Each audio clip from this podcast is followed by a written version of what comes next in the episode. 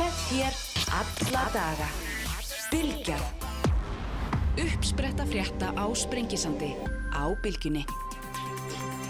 Sælilustundur höldum við að stað hér eins og leðlikur á þessum Sprengisandi í dag. Lók þáttar kvotakerfi Gunnar Smári Eilsson, Faltin Víglundsson og Jón Gunnarsson er ekki sagt að allar íslenskar umræður endi á því að miðaldra kallar fara ríðast um fisk og það passar þá vel. Passar þá vel hér. Uh, Kristún Frostadóttir, Hagfræðingu verður hérna og það eru sestar hjá mér. Sandi Svagastóttir, Helbriðsráð þeirra og þeir þingkonundar Helga Vala Helgadóttir og Hanna Katrín Friðriksson, velkomnar allar. Takk fyrir. Við ætlum að ræða heilbriðsmálinn og hérna þetta voru þetta megin efni kostninga síðast og þar síðast í raun og veru. Allir flokkar höfmuðust við að hérna lofa og ekki neitt að því, ég minna það var bara eðlert en það hefði verið vannfjárfestingi í þessum gera í, í mörg ár og, og hérna margt, stort verk að vinna framöndan. Uh, sko Nú sjáum við þetta, svona kannski reyna að byrja þess þarna þessu ástand á bráðadeildinu vegna þess að það svona kannski rammar þetta einhvern veginn inn enn og aftur og hérna við verður alveg alveg ratbörður menn tala um þrengsli, álag, allt og fátt fólk, allt og margir inn á deildinu og svo framvegst þetta er svona söngursvandi sem við hefum sko lungu fyrir þína daga og mína daga held ég að hérna, við hefum heyrt þetta svo oft sko og, og svona, svona veldi fyrir sér hvað svona er þetta ennþá? Þegar þetta er svona endur tekið efni. Já, þessi mál koma upp ítrekkað en það sem að verður að gera núna vona ég að sé til þess að ná utanum máli til lengri tíma um, og ég hef verið kannski uppteknust að tvennu, annars verður að setja saman heilbrið stefnu mm. þar sem að við getum þá verið með einhverja tiltekna mælikvarða og, og framtíða sín fyrir kerfið í heild og hins vegar að auka fjármagn inn í uh, heilbyrjastjónustuna uh, frá því sem var og hún hefur verið eins og þú nefnir van fjármagnu til mjög langs tíma. Og í raun og veru var byrjað að þrengja að henni fyrir hrun uh, meðan að var til, voru til peningar mm, í kerfinu mm. að þá var þrengt að henni.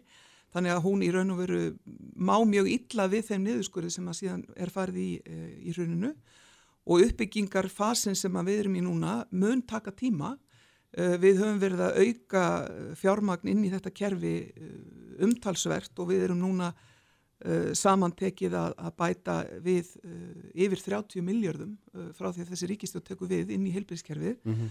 og, og til dæmis að þá er aukning... Hvað er 30 miljardar bara að tala, hvað er það í einhverjum hlutföllum af einhverju sem að svona... Já, aukning til dæmis ef við tölum um bara núvirt og mm. þá er ég að tala um sko bara á verla í ásins 2020 að þá er aukningin uh, á landspítala og þá tökum við veriðlags uppfæslu mm. frá uh, 12% mm -hmm. á mhm. þessum tíma.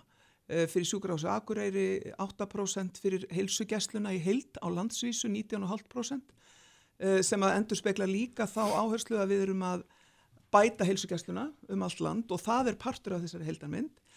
En það sem að mér finnst mikilvægt er að við höldum til haga þegar við erum að tala um vanda bráðamótökunar er að vandi bráðamóttökunar uh, er í raun og veru sá fyrst og fremst að það næst ekki að útskrifa fólk áfram inn á spítalan. Mm -hmm. Það er að segja að vandin er ekki sá að bráðamóttakan sem slík annir ekki því sem þánga kemur heldur, heldur því að það losna, að, að bráðamóttakan næri ekki að, ekki að flytjast inn á aðra deildir, deildir og þá hefur hinn marg umrætti fráflæðisvandi verið til umræðu eða útskriftarvandi eins og er nú vist rétt árið í dag Og hvað er þá til ráða? Það er auðvitað uh, að fjölga hjókunarímum til þess að losa uh, fólk sem að liggur inn á spítalanum við það að vera á bráðasjúkarhási mm. þegar það ætti að vera hjókunarímum. Þetta er líka gammalt kunnstef. Já og, og þess vegna höfum við bætt við uh, hjókunarímum.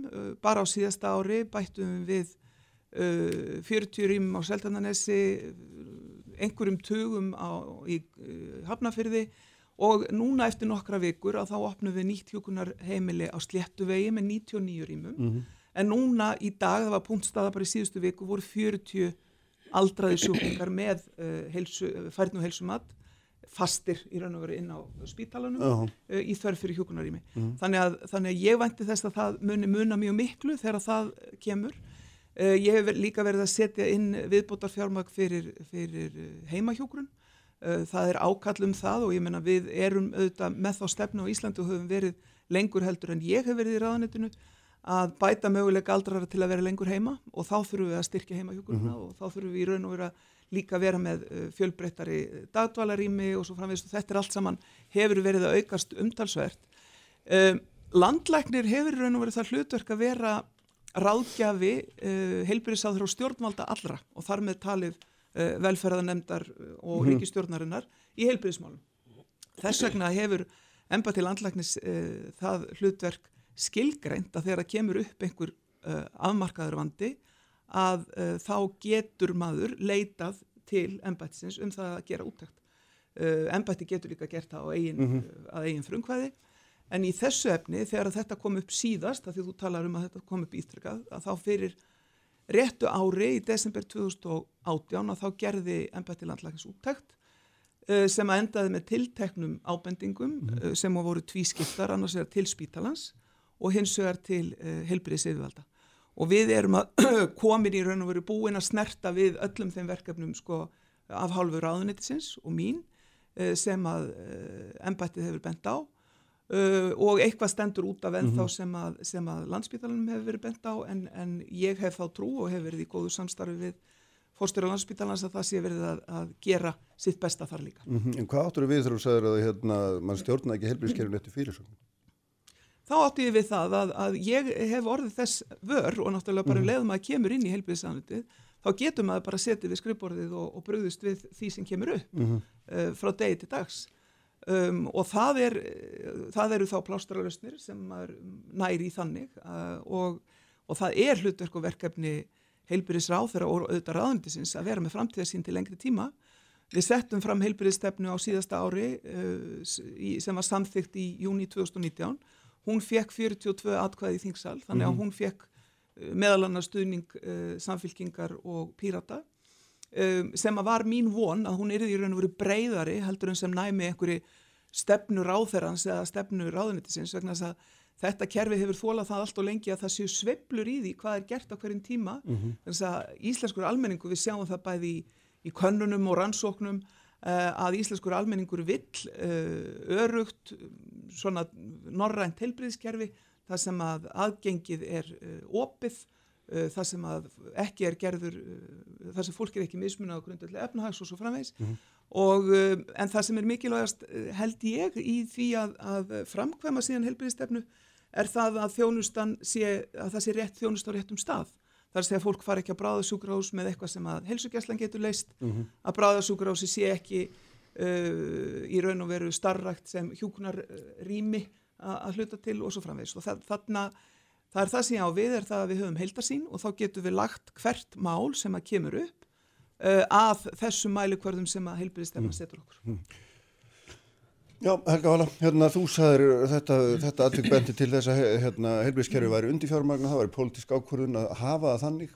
Uh, það sem Svandi sér að lýsa er mjög mikil innspýting og maður þarf ekki að fara yfir marga frettir af síðustu mánuðum halva árið að svo allir að sjá það hefur verið að setja upp alls konar þjónustu geða hilbriðist heimi fyrir fanga það hefur verið að taka nýja þyrlu í, í nótkuðun hérna tveggja ára verkefni hérna það er búið að fjölga hjúgrunarýmum eins og var að nefna það er bæði á Akranis og í Árborg svo ég bæti því nú við og maður, veist, það er fullt af fréttin sem maður getur lesið mm -hmm. og, hérna, og síðan þegar maður fer í alþjóðlega samburð þá ser maður að íslenska heilbriðiskerfi nú bara þokkalega gott Já, ég var að byrja þar. Já, við getum að byrja hérna, þar. Ég, sko, ég fagna uh, því átæki sem hefur verið gert varðandi hilsugjæsluna. Það mm. skiptir mjög miklu máli og þar hefur uh, bráðamótakan í Fossvogi heldur betur lagt sitt loða vogaskaldunar að því að þeirra, þeirra fólk kemur þangað inn þá tekur mótið um hjúgrunafræðingur sem að metur uh, ástandið og vísa það fólkið mitt á hilsugjæsluna mm. frekarinn inn til sín. Þannig, þannig að, að, að það er mjög gott sem hefur verið gert þar og, og, og þar var bara tryggja það að það sé fjármagnað öllu leiti af því að e, það eru auðvitað þannig í dag að, að, að e, fólk lendir í því að þurfa að býða mjög lengi eftir tíma hjá lækni mm. en getur fengið tíma hjá hjókunarfræðingi þannig að þetta er líka svona já, já. þarf að ala upp þjóðina hvað mm. þetta varðar en uh, við skulum tala um alþjóðlega samanburð. Við fengum nefnilega skýslu núna hérna rétt fyrir áramút og, og, frá OECD um framlag til heilbriðismála og þar kemur í ljós að við verum ekki bara undir meðaltali OECD-ríkja og þá erum við að tala um líka öll fátakulöndin mm -hmm. Heldur erum við sko langt undir því sem að Norrlöndin er að leggja til heilbyrðismála við eh, setjum 8,3% af verkri landsframleðslu og meðan að Norrlöndin eru einhver staðar á bylinu 10-11% Já. Og þetta uh, sá ég einhverju fréttatilkynningu frá stjórnvöldum er skýrt með ungum aldri þjóðarinnar. Mm -hmm. en ég lít svo á að það sé nú ekki hægt að útskýra þennan mikla mun þannig af því að uh, við, það kann vel að vera að við séum ung þjóð en við erum líka mjög fá og við erum mjög dreifð. Og það er auðvitað mjög dýrt á haus að hafa, reka þannig kerfi. Þannig að í rauninni ættum við að vera að setja meira í þetta en aðrir. Uh, þegar að heilbriðsráþara og stjórnvöld tala um stór auki fjármagn til þessa kerfis og það hafi aukist verulega að þá verður þetta inn í því byggingar. Það er verið að byggja hjúgrunarými og það er verið að byggja nýjan landsbítala við ringbröð og það kostar auðvitað mjög mikla peninga. Talan sem kemur frá OECD hins vegar er ekki með byggingakostnaði hvergi. Þannig að þar erum við með hérna rauntölunar. Það, þar erum við að sjá hvað erum við raunverulega að setja í. Já. Og ef maður horfir á bara, ég, ég fekk uh, upplýsingar frá ASI núna í síðustu viku, þau hafa verið að fara yfir mjög ígrundað hvernig Norðurlöndin er að gera þetta og við erum bara, hvort sem okkur líkar það betur að ver, alveg algjörir eftir bátar Norðurlandana þegar kemur að uh, fjárframlægi til heilbyrðiskerfisins. Það er pólitísk ákvörðun að hafa það þannig. Alveg sama hvað heilbyrðisra þeirra uh, Vafge segir, þá er það þannig. Við í samfélkingunni, við styðjum ofinbært heilbyrðiskerfi, við, við viljum eins og þorri almennings hafa uh, örugt uh, heilbyrðiskerfi í norrænum anda, en við miður þá erum við bara eftir neinum flokki sem er byrjins á móti því neðan svona, ef ég að meina, framlagið en, svona ætla þá er það alveg- já, af því að þú lagi. um hérna uh, almenning sem að vill hafa, hafa tröst, ofinbært heilbyrðiskerfi já. þá er það þannig í norrænum anda, við viljum það klárlega, en við erum bara fjarrri Norðurlöndunum. Það er með mikil munur á 8,3% uh, hlutfallega landsframlislu og svo 11%. Þetta er bara mjög mikill munur. En, en vandi bráðamótugunar í Forsvogi uh, er þess aftar að, hérna, að hann, er, hann einskorðast ekki bara við bráðamótuguna. Hann, hann, hann er byrtingamind vanda landsbytala, hann er byrtingamind vanda heilbriðiskerfisins í heild. Og það er þess vegna sem að ég eh, sem formaði velferðarnefndar hef ákveðið að funda í næstu viku með öllum póstum eða, eða mjög mörgum póstum skulum við segja til þess að þetta heyra hvernig er staðan á Suðunesjum, hvernig er staðan á Suðurlandi, hvernig er staðan á Vesturlandi, Akranesi, geta einhverju er þetta að færa til, af hverju eru lokuð rými inn á landsbítala, af hverju eru lokaða deildir inn á landsbítala á sama tíma og við erum að horfa á þetta neðar ástand á bráðmáttöku. Þetta er bara heimskuleg ráðstöfun og ofnbyrju fjö. Við þurfum einhvern veginn að Já. taka til. Hanna Katrín, Já, margt, margt sem voru yfir að koma það, það er margt Já. og það er kannski, mér langar að dett inn í þetta sem að Svandís talar um áðan um, um að hún vilja nálgast þetta með svona uh, lengri tíma sín. Og það er alveg rétt að þetta vandamál hefur verið viðvarandi. Uh, og við erum á sama tíma og það er ekki þetta að neita því að það hefur verið lagður, lagður aukni fjármunir inn í kerfið. Þá erum við samt í þeirri stöðu, við erum ekki búin að ná uh, því hlutalli sem var hér uh, fyrir hrun og þá voru náttúrulega ekki fjármunir sem var það nýbyggingar inn í. Þannig að munurinn vantarlega inn í rekstrakostnaðin er enn meiri. En það kemur fleira til við, við, það, eru, það eru fleiri greina en heilbyrgsgreina sem þurfa mikill innspýting að halda því miður er staðan svo en ef við horfum kannski á sko þetta í stóru myndina þá, þá er það þetta, það hafa komið aukni peningar inn í kerfið.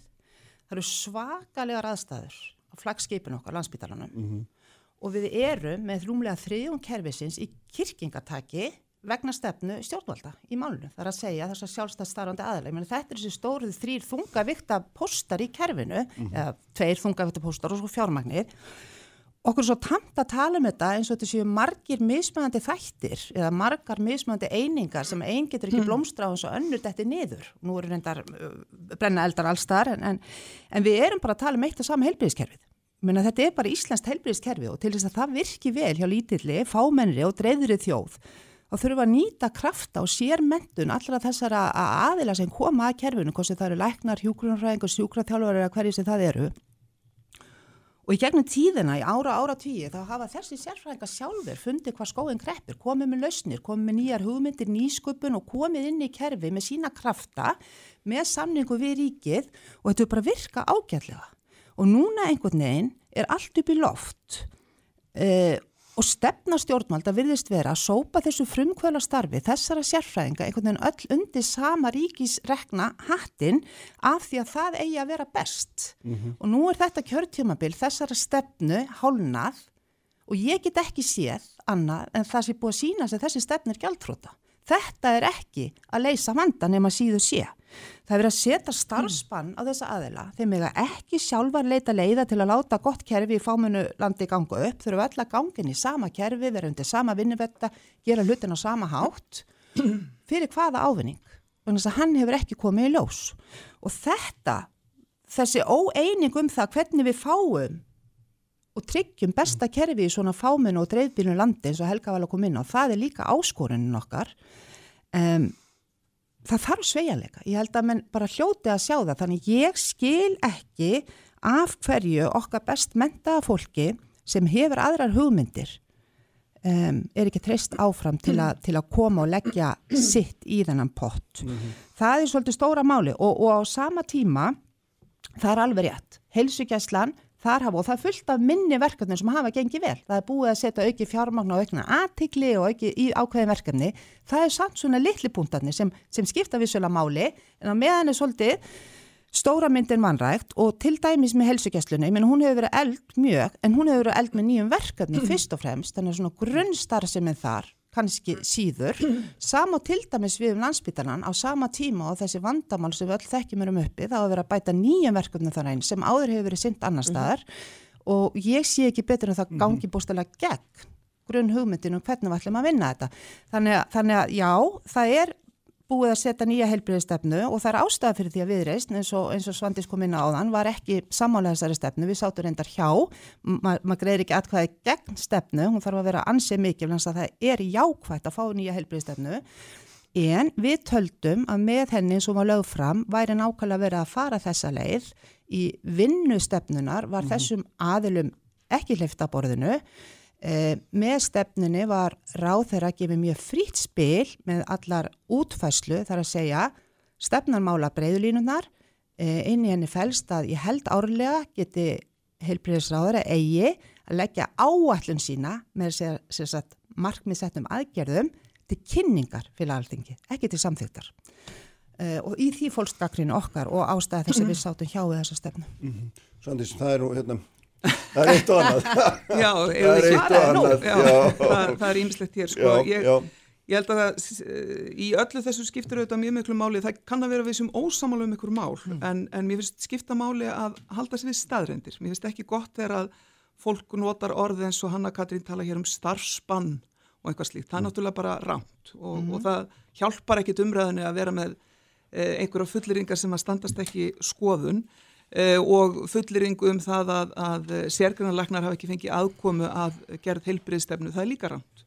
Um, ég finn alveg hvar hjarta viðresna slæri þessum efnum, það er fyrst og fremst með þeim engaðalum sem er að veita heilbriðstjónustu og það er allt í lagi, það er bara það er, þannig sem að þau líta á sitt verkefni. Þetta er líka ránt. Uh, en, en hins vegar að þá langar mig að segja En einhverjaðlega eru gríðarlega mikilvæg þáttur. Þeir eru gríðarlega mikilvæg þáttur og þess vegna ef að ég má núna já, fá orðið ja, sem var í frábært já, já. Uh, að þá er það þannig að ég er algjörlega meðvituð um það uh, að það eru gríðar margir einhverjaðlega sem er að veita mikilvæg helbyrjastjónustu. Mm. Við vorum núna fyrir jólinn og núna reyndar bara þessa dagana að ljúka við samninga við alla veitendur hjúkunarþjónustu og hjúkunarheimilum.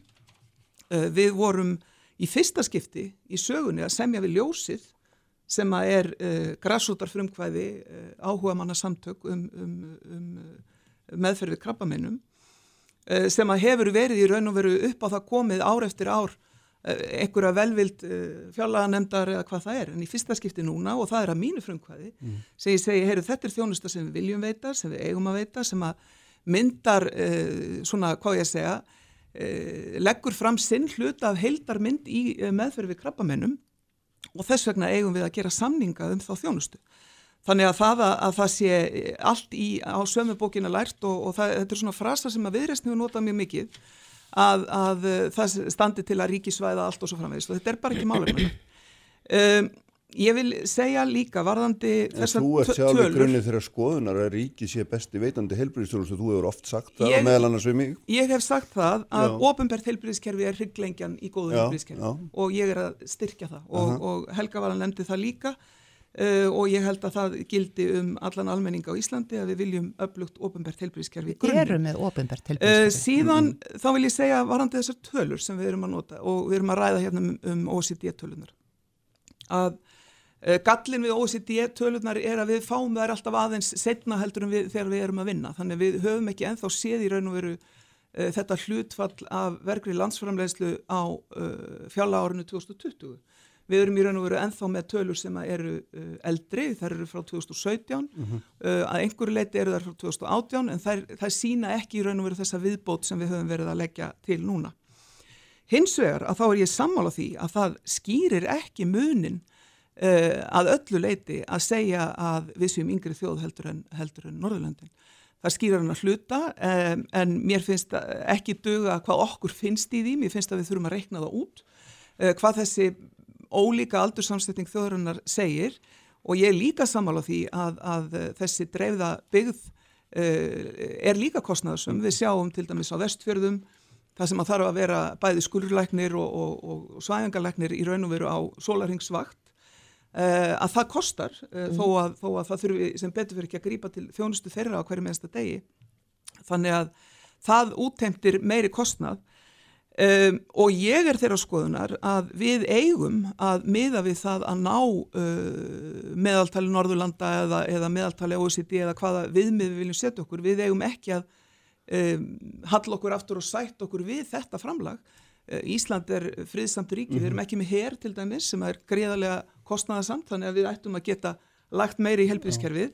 Ég hef verið að leggja áherslu á annan þátt sem að hefur líka verið svona alþjóðlegur útreikningur sem að er, um, sem að er sem sagt, uh, það hversu mikið einstaklinga greiður eigin vasa. Og þar höfum við verið, Ísland verið milli 17-18% uh, meðan Norðurlöndin eru kringum 15 og alþjóða heilbyrðistofnunin segir að 15 séu ákveðin sásökumörk, þar að segja ef að fólk er að borga meira en 15% og þá erum við bara að tala um heildina, tannlækningar og allt saman, að þá erum við farin að horfa á það að fólk sé að neyta sér um þjónustu vegna fátaktar. Og það höfum við staðfasta, eh, við höfum í raun og veru staðfesta niðurstöðum að svo sé á Íslandi. Og það er óasettanlegt í ríku uh, samfélagi. Og þess vegna hef ég lagt sérstaklega áherslu á það að dragu greiðslu þáttöku sjúklinga og það hefur vakið aðdegli mín að viðreysn hefur gert aðtúarsemtir við það um, uh, vegna þess að, að hluti af aðgerðinu snýstu það að draga úr almennri greiðslu þáttöku og, og þar með talið uh, heilsugjæslinni. Uh, þannig að það er, það er uh, verkefni sem að ég tel að segja afar mikilvægt til þess að jafna aðgengi og þar með í raun og vera að jafna kjör uh, á Íslandi. En mér langar aðeins að, að taka líka upp þráðinn það sem að Helga vala sleftónum varðandi uh, bráða móttökuna. Uh, vegna þess að ég, uh, sko ég held að, að umræðan sé gagleg að mörguleiti og, og eitt sem að hefur ekki verið nefnt hér en, en er partur af þessari heldarmynd sem að er mönnun. Og mér finnst, og, og, það, og það nefnir Helga vala hér líka sko að, að við erum með tóma ganga og tóm rúm og svo framvegist, það er einfallega vegna þess að mönnun er ekki fyrir hendi. Og hvað er það sem bætir mönnun, það er uh, mentun, það er margt en kannski fyrst og fremst starfskjör og, og það er auðvitað atriði sem að er vinnuaðstæður vinnuaðstæður, já, starfskjör í, í, já, og, ok. og, og það þarf að uh, taka á því og við erum með starfsópa til að skoða það sérstaklega en ég vil líka segja það að því við erum að tala um aldursamsetningu, við erum að tala um uh, reyndar höfum við ekki talað um það en, en við getum nefnt það í þessu samengi, það er aukin fjöldi ferðamanna Mhm. Uh, sem að er uh, auka álag á alla okkar við- innviði, vegagerð og, vegakerfi, já. samgöngur og, og Við, þekkjum þetta allt En ekki spurningin er alltaf um Nei, hvernig er- við bregðumst við en- því. en ég er að segja- Ætlum að bregðast við því, ætlum við ekki að gera það. Já, sko. það, það er einmitt það sem ég ætlaði að segja já. að mér finnst uh, það eiginlega að vera næst á dagskrá fyrir utan allt annað sem að við erum að gera uh, opna hjúkunarými og, og svo framvegis að það er að taka það upp hvort að uh, hvort að uh, aðstaða bráðamóttöku á landsbytala sé einfallega uh, sprungi hvort að það sé eitthvað og, og ég mun taka það upp bæði við fórstjóra landsbytalans og landlækni uh, hvort að það sé eitthvað, sko nú er ég að hugsa um, um sko uh, kjarnan við hringbrönd Mhm. sem að mun auðvitað taka við þessu en, en, það, en þanga til eru einhver já. og þá spyr maður erum við e- erum við með nægilega góða aðstöð til að brúa bylið fram að þeim tíma. Uh, nú talaði til dæmis bæði uh, Þannig ef Páll við og tökum landlæknir tómur talaði rúmin og setjum það inn á bráðadeildina og opnum á milli þá, þá erum við í lagi. Já, Þannig já, að sko, við það, nei, nei, þannig. það er talað um það að bæta við efrihæðinni fyrir Já. ofan bráðadeldina, Já. það er eitt af, ein af ábendingu landlæknis og það hefur verið gert núna í, í, í því skyni að kanna hvort að það dugi og, og það er, hefur verið gert í bráðabyrða, það var gert í síðustu viku og, Mm. og landsbytarinn ætlar að meta það núna yfir helgina hvort að það sé eitthvað sem að uh, hjálpar til Mm. og ég auðvitað vonast til þess að heyra í þeim með það. En mér finnst þetta að vera eitthvað sem við þurfum að, að hugsa því við sjáum stór útuslis uh, sem að væri þá til viðbótar við það álag sem þegar er og þá er ekki sögum að spyrja. Nei, nei, sko það er, þetta er hérna forvinnilegt að sem við erum að tala um, hérna, þú farið að svara þessu með, hérna, gaggrinn á, sjúklingugjöldin, en hérna, en almennt talað, við erum alltaf að ræða um þetta, hver- hversu hátt hlutfall við viljum eða helbriðskerfið, ef það vera 8% eða 11% eða eitthvað, en það er alveg rosa sérkynlegt að það sé sjálfstætt markmið að eigða peningum. Já, ég er, ég er, það er bara já, svona, þú veist, er, er þörfin raun og verið fyrir hendi, er þetta ekki meira stjórnunavandi, skiplasvandi, þú veist, það er eins og búið er að nefna, það er fullt af rými laust og það þarf bara að hnika því til og eða já, hvað? Já, Sko, þú, þú þurftir bara að skella þér á Nei, að ég er sannarlega ekki. Nei, nei, ég er að En þegar ég er nú bara að lýsa já. leikmaður, skilurum. Nei, ég er að segja sko að, að Að ófyrirsinju sem að OECD notar þetta Mm. meðal annars sem mælikvarða. Það eru margir mælikvarðar á gæði heilbyrðistjónustu. Einn mælikvarðin er hversu mikið setja samfélagin á fjármagn í þau. Mm. Uh, en það er bara einn af þeim.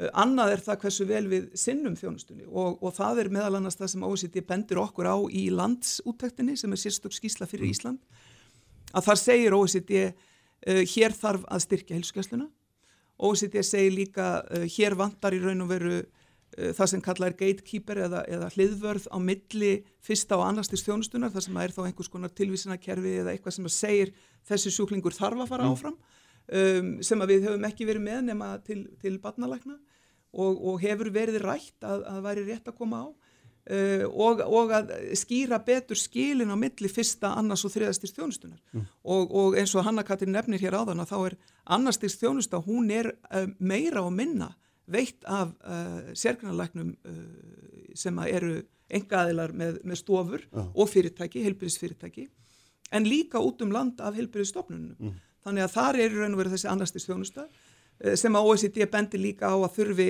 að, að skýra betur hvernig maður færist úr einu kerfi í annað. Annarstist þjónusta ný er í raun og verið þessi geðhilsu teimi sem að voru nefnt hér áðan uh, og fleiri slíkúræði sem við erum að bæta við. En hvað- Já, uh, það hefur verið margt sagt Já, hér. já. Uh, þú talaður um hvort það verið markmið sjálfur sér að setja meiri pening. Mm. Er það ekkert markmið. Mhm. uh, hins vegar þurfum við að skoða af hverju er heilbyrðiskerfið okkar svona illa búið eins og það er. Það er starfsfólk á heimsmæli hverða hann inni sem að hleypur og hleypur og hleypur og er uh, uh, sko mjög, mjög önnum kafið allan sólarhingin, allan ásessing að gera sitt allra, allra besta en, en samt sem að það eru heilbyrðiskerfið ekki að fungera og þá verðum við að horfa á svona tölur eins og framlag til heilbyrðiskerfisins sem er augljóslega lægra heldur en í samanbyrða löndunum og þess vegna er það markmiði sjálfu sér að, að, að fjármagna það betur. Uh, mér langar aðeins að tala um þetta varandi mönnun og varandi rúm og hvort að ég bæta við rúmum á, á bráðumótöku. Ég tel að það sé ég ekki að vera markmiði sjálfu sér að fjölga rúmum á bráðumótöku vegna þess að það er mjög dýrt rúmin á bráðumótökunni kostar 230-250 þúsund sólarhingurinn á meðan að á öðrum deildum ferða nýri hvað 70.000 og á hjúgrunarheimilunum 40.000 sólarhingurinn og allt er þetta að koma úr sama vasanum, úr sama veskinu frá okkur skattgreðendum.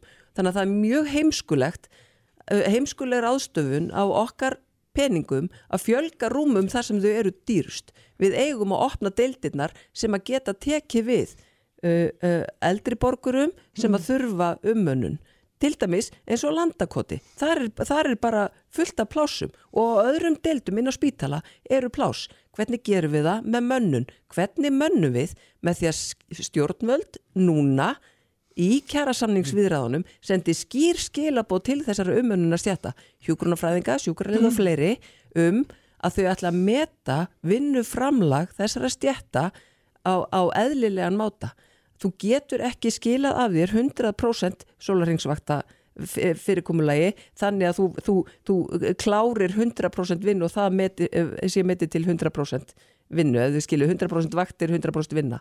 Það hefur verið talað um að 80% viðvera uh, sé svona 100% vinna. Ígildi 100% vinnu, Ígildi, já. já. Það erum við að tala um hennar tímafjölda, 32 vinnustundur uh, hérna á viku.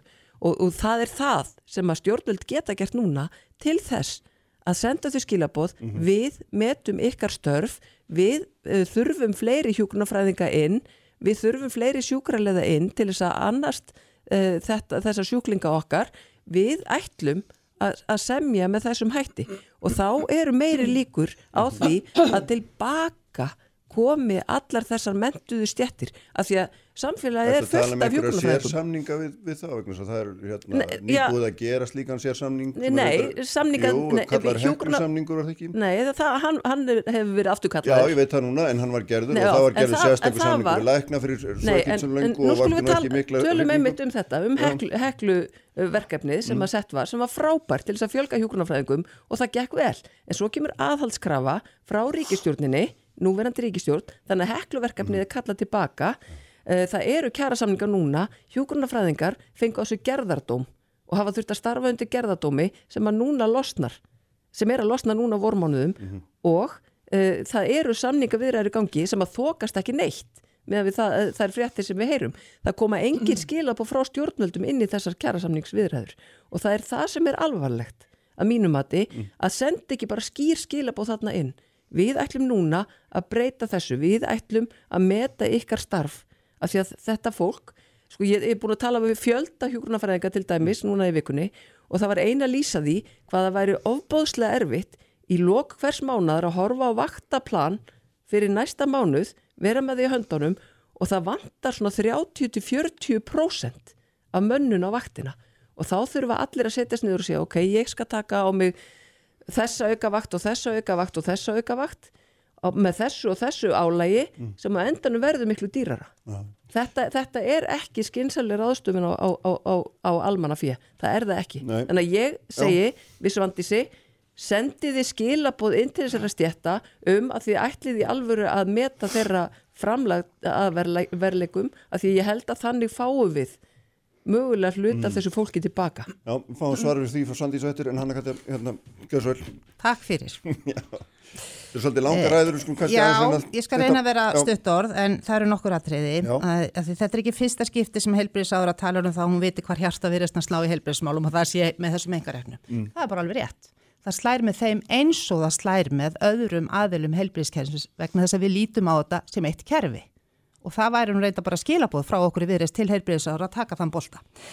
E, staðrindir, þær þurfa klárlega að vera til staðar og ég stend nú við það sem ég sagði en mér langar þá líka að varpa þeim bolta yfir á heilbreyðsáðara vegna þess að þegar ráðara segir að hennar e, stefna sé að, að, að ebla hinn og ofinbyrja heilbreyðsjónust á Íslandi og, og gerir það gætna, notar þau orð þegar hún er að verjast allugu sinni að hinnum engareknu, þá er ágætt að halda þeirri starinn til haga að allir þeir aðilar sem starfa í helbriðismánu í Íslandi dag eru hluti af okkar eina ofinbæri helbriðiskerfi.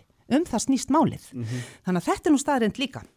Þetta er þetta að segja vegna þess að þeir fá greitt úr ombrum Við erum með ofinbært heilbriðiskerfi. Ef við viljum búa til einhverja skiptingu þá má ég segja það að það séu ríkistarfsmenn versus ekki ríkistarfsmenn. Þetta er eitt ofinbært kerfi sem við höfum, öðruvísi virkar þetta ekki og það að setja slá hamrinum á höfuðu á einum hluta til vonum að einhverju staðar annar staðar dúkja eitthvað upp, það er bara sama summa sem kemur út úr því.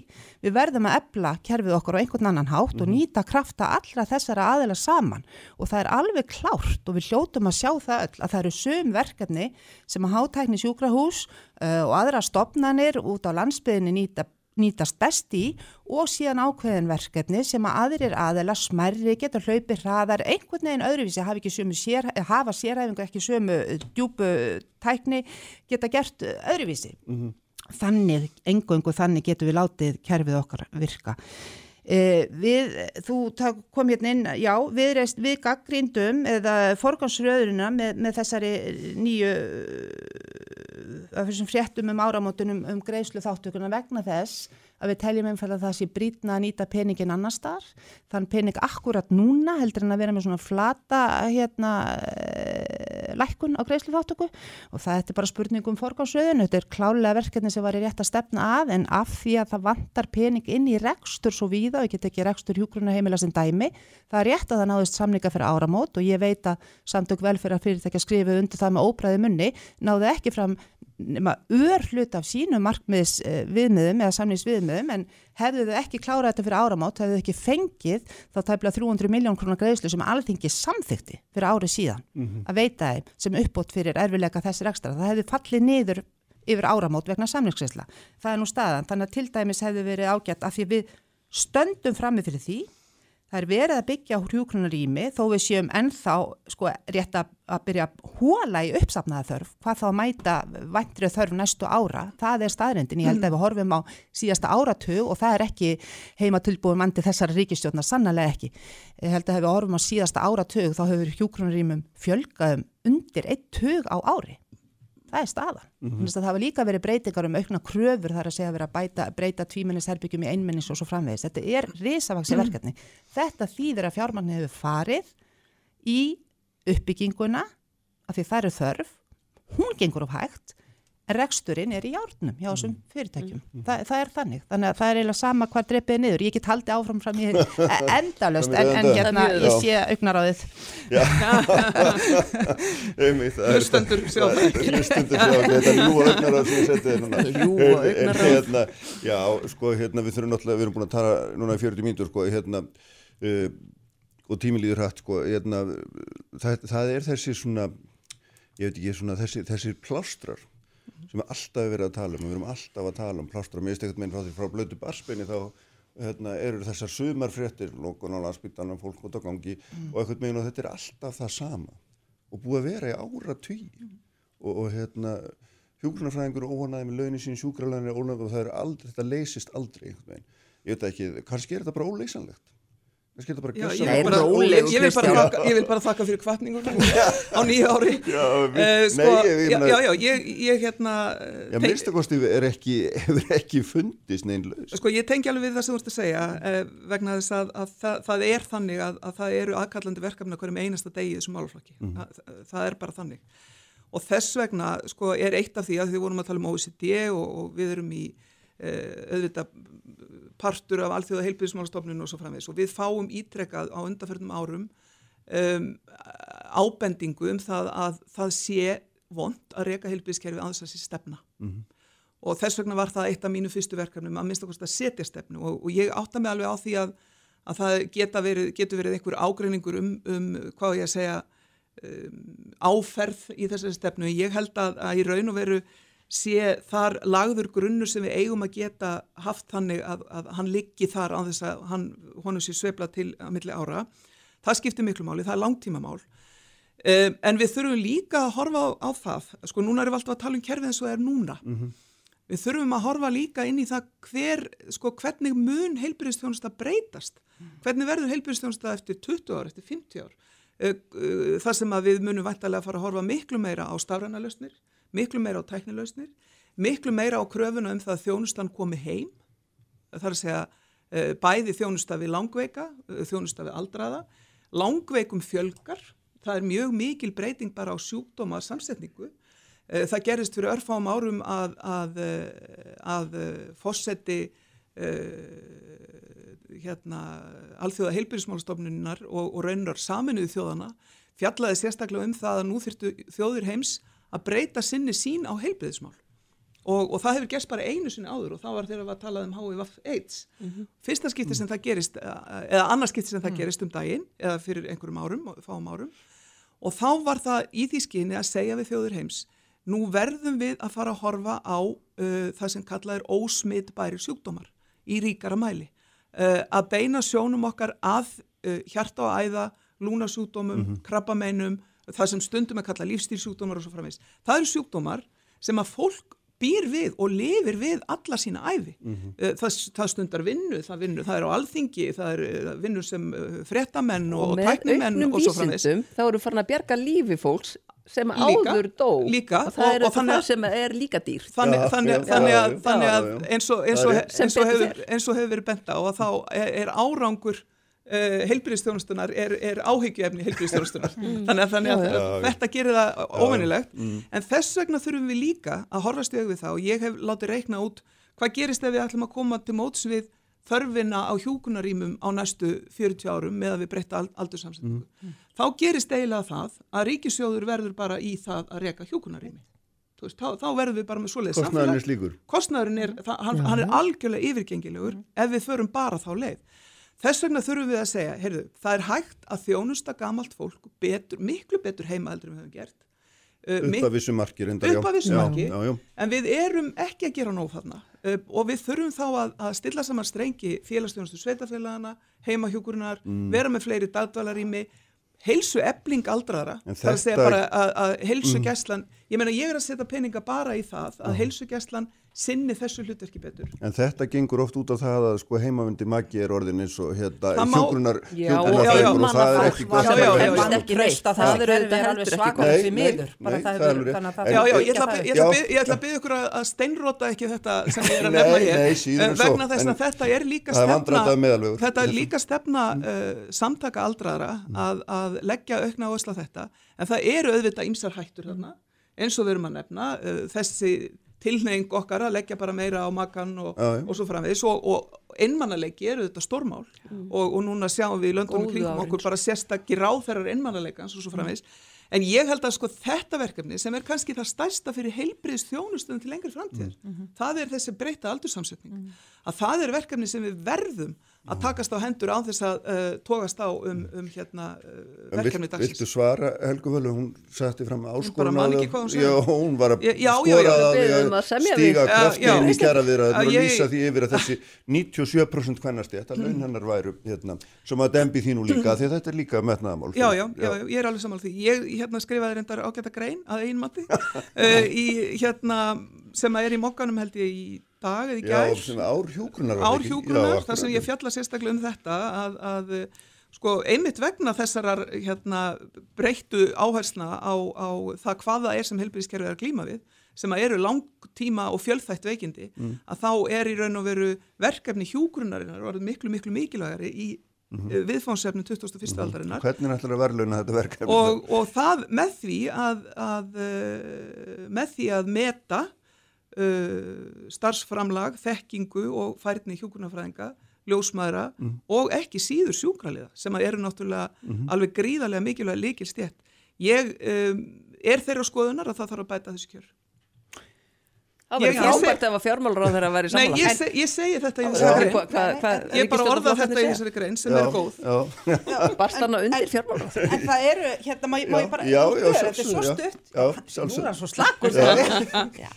Það eru hérna, til viðbúta við þetta. Þetta er bara alveg hárétt. En það eru svona þessi leiðaljó sem maður sér, líka ef maður horfir á því að við erum sannarlega ekki eina á báti með þær áskorandu sem framöndar eru í helbriðskerfunu ef við búum við. Sannarlega ekki. Þá er það þessi orð að það er tæknin okkur hefur svolítið tamt að nýta hana, við höfum hingað til nýta hana mikið í greiningar og um meðferðir. Við þurfum að koma tækninýjungum inn í umönnunar hlutan líka. Eh, við þurfum nýsköpun, við þurfum nýsköpun og við þurfum forvarnir. Þetta eru leiðaljósin og ég veit að fjármagnir er eh, sko alfa og omega alls en þetta má ekki falla í skuggan af því þetta er framtíðin sem Svandis er að tala um. Og þetta sparar krónurnar. Það gerir gerir það, það á og, endanum. og líka leiðir okkur kannski í réttar áttir sko, að- sammála að- þessu. hérna, og svo er þetta eilífa þessi eilífi sko, slagur raunverulega vestrættan ríkja á milli ja, slagur um, erfiða samband, sískina samband uh, helbriðskerfis og félagslega kerfisins af því að við erum svo ofta að telja krónurnar eðunum öðrum, þeim öðrum megin og telja hinum megin og áttum okkur ekki á því að, að, að tökum ekki nekt til þess að við erum bara með hérna einn sjóð. Ég er algjörlega sammála þessu og ég held að, að ég menna, notendur þjónustunar hafa engan áhuga á því að, að vita hvort að það er ríki að sveitafélaga hverða þeir sem er að veita þjónustunar. Nákvæmlega. Þannig að við þurfum að, að, að vinna miklu meira saman. Við erum að gera til þess mjög vel hér í Reykjavík. Það sem að geðheilsu teimin sem erum búin að setja upp hér eru í raun og veru með félagsráðgjafa inni sem er starfsmæður Reykjavíkuborg. Akkurat. En hann er ekkert eitthvað mertur Reykjavíkuborg, hann er bara partur af teiminu Mhm. í staðan fyrir að segja hér er þetta að tala við teimi, svo skaltu panta tíma hjá einhverjum félagsafgjafur hjá Reykjavík. Og, og þetta þurfum við að gera miklu, miklu víðar til þess að líka bara í fámennu landi að nýta bæði fjármagn og, og, og mannafla En betur. varstu, varstu ánægð með þetta svar, Svandi Sávarandi kjörin? Heldur þetta hérna? Hún er aldrei ánað. Þetta verður góð. Ég meina, e- e- sjáum hvað gerist á Já, morgun. já. Ég meina, grein í, í litla ramman í mokkanum sem að við skiptumst á að skrifa uh, er, er, er, ég sá ekki í greininni að að hún væri að senda skýr skilabóð inn í þessa kjæra samningsviðræður. Mm. sjáum hvað gerist á morgun. Það koma kannski stórkoslega fréttir á morgun. Ég vona það. Og ég vona þá að, að fjármálaráþara sé með heilbriðisráþara í þessu af því að fjármálaráþara hefur svo heldur betur sendt önnur skilabóð sem hann talar um að það sé eitthvað galið að þessu kerfi. Svandi Slóttir, ég veit ekki hvort það þýr já þenni. Hmm. Hvort að fjármæður áþarann er með eða ekki? Þetta bara er auðvitað mál sem þarf að leysa, þessi mönnunamál eru mál sem þarf að leysa og, og við erum í þessu til þess að leysa mál en, en ekki til þess að uh, búa til vandamál, það er til þess að maður er í stjórnmálum. Gott Það að verður vel, gaman að sjá. við látum þetta kryptíska svar verða loka orðin í þessu þætti hérna, í þessu, þessar umröði í þessum þætti skulum segja Hanna Katrín, Helga Vala og Svandís. Takk ykkur fyrir að koma, gaman að fá ykkur eins og æfinlega uh, Kristún Frostadóttir er hérna hjá mér eitt raugnum líka. Sprengisandur á bylgjunni Frettir þjóðmál og pólitík. Sprengisandur á bylgjunni.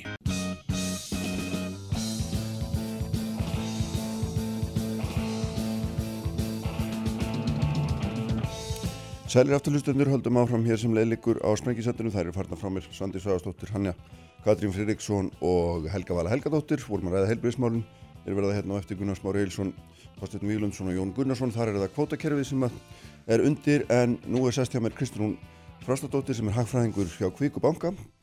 Velkomin. Takk fyrir það. Uh, mér langaði að fá því vegna þess að hérna, svona aðeins til þess að halda áfram með efni sem ég var með fyrir viku. Þar að segja viðtal við Ásker Jónsson, sælabankastjóra og það sem vorum að meðan hans að fjalla um, um vexti. Og það hefur náttúrulega verið svona viðvarandi krafa á Íslandi mörg undarfærin ár að lækka vext og lækka vext og lækka vext en svo eru einhver neðri mörg þess að það sé gott að halda áfram.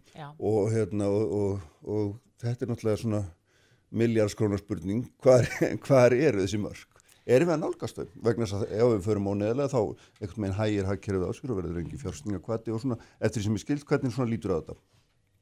Sko það er þetta mjög skipta skoðanir um hvað nærmörkin eru. Já. og ég held að það sem að við erum bara að sjá í umræðinu Erlendis, eh, kannski sérilega í Evrópa sem er að vera neikvæð svolítið tíma en líka í, í hérna, bandaríkinum þar sem að þeir hafa þurft að fara aftur í lækkunafassa að hérna, þetta er eins og segir miljón dólar spurningin og það er kannski sagamun svolítið kannski segja eitthvað til um það og á, þegar við erum í svona auga stormsins getur verið svolítið erfitt átt að sjá því. Ég held að það sem að mér finnst kannski mikilvægt í þessu er að aðskilja sko umræðina um hvað er eðlilegt vakstastig sem er kannski það sem hefur einkent umræðina hérna til lengri tíma á Íslandi. Bara almennt sé hafi vextir verið á háir og síðan upp að hversu miklu marki lækkun vaksta á ákveðinu stígi skila sér síðan í auknum efnaðsumsveðum vegna þess að það er eitt að, hérna, að finnast 7-8% vextir almennt og háir og það er annað að vera komin í 3% vexti og finnast þeir ennþá vera háir og þurfa að lækka á það, Já. þaðan af sko. þannig að hérna ég held að við séum ekkert endilega komin í neðri mörkun, ég held að við séum samt ég meina við erum auglustlega sögulega séð mjög lág. Já, Um, og ég held að það verður að mista hvort verið mín skoðun að við ættum ekkert að gæla við það að fara mikið neðar en við þurfum að fara. Verðan að þess að staðrindin er svo að þáttur að við séum í þessari margum rettri niðursveiflu núna, þá erum við samt búin að vera í mikil uppsveiflu í mörg ár á sama tíma og svæðin í kringum okkur hafa séð bara miklu veikara hagvöxt og við erum búin að fá eitt ár núna sem að við erum líklega stefna í 0% hagvöxt. Við veitum ekki alveg hvernig árið núna mun snúast og kannski þessi umræða um örfunaraðgeri Erlendis hefur fyrst og finnst snúið að því að það hefur bara vanta hagvöxt mörg ár í röð. Já, og ég held að, að, að það að vera að lækka vexti of mikið áður en við áttum okkur á því hvort þetta sé tímabundi samdráttur eða ekki og þá mögulega hættuna á því að vera kannski búin að brenna inni á vakstarleikuna getunni síðan meir sé ekki skinsamleg. En auðvitað er þetta kannski ekki spurningum hvort að með ekki lækka um 25 eða 50 punkt í viðbót, skilur, uh ég held að mörkin liggi ekki þar. Nei. Ég held að þetta kannski snúist frekar um bara væntingar til að vaksta tólsins og hvort það sé eitthvað annað sem við getum verið að gera samhliða, þannig að við eigum bara eins meira inni þar á sama tíma, sko. já. En það er það að því að svona, ég veit ekki, svona, mm, al, eh, svona sem leikmæn held ég myndi halda að því lægri vextir þeir myndi meiri umsvið. Það væri augljóst að því að fyrirtæki og einstaklingar gæti fengið fyrir ódýrar. En svo er það ekki þannig endilega vegna þess að þegar þú ert komin niður í eitthvað ákveði stiga þá, þá fyrir þetta eiginlega svona að hafa hinn, þá vill enginn lána þetta. Það er, það er auðvitað hinn hinn hliðin á peningum ekki. sko, miðlunarferðli að vaksta yfir fjárfestingu er ekki eins einfalt og kannski maður lærir í svona hagfræði 101 Nei. Vegna þess að það eru þetta bara svo margt annars stjórnar til að mynda fjárfestingar ákvörum hjá fyrirtækjum og síðan útlána vilja hjá böngum og, og já eins og í fyrsta lagi þú nefnir og, og, og hefur verið til umræðu í löndunum í kringum okkur að þegar vakstastigi komið á ákveði látt stig þá skapast pressa hjá böngunum vegna þess að þeir eru með útlán og svo eru með innlán og þeir eru með eitthvað mun á þeim vöxtum. Og það er svona kannski frekar svona, svona, svona, sálrænt erfitt að lækka vexti niður fyrir núl eða, eða mjög lága, Já, þráttur þessi kannski ennþá neikvæðir, nei, ennþá jákvæðir. Um, sem gerir það að verkum að það er pressa á efri línunni og, og, og neðri línan helst óbreykt og vaksta munur náttúrulega bara það sem að flestir almenni bankar reka sig á.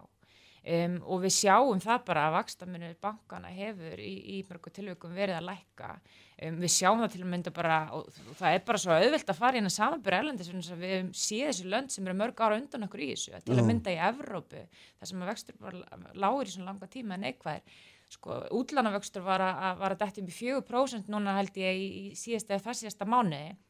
Og hann hefur verið 0-2-3% þar á síðustu árum. Sem er, merkir bara algjör að kistuð er það það er mikið verið að tala um lækkun útlánavöxta hér en það sem af er ári þá er samt 9% vöxtur á Íslandi. Hann var hátt í 14% í fyrra og 7% árið áður. Mm þannig að við erum að koma náttúrulega ábærslega útlánavexti sem er náttúrulega bara, hugsa bara um prósentu tölur, ekkert óeðlegt að hægist á því.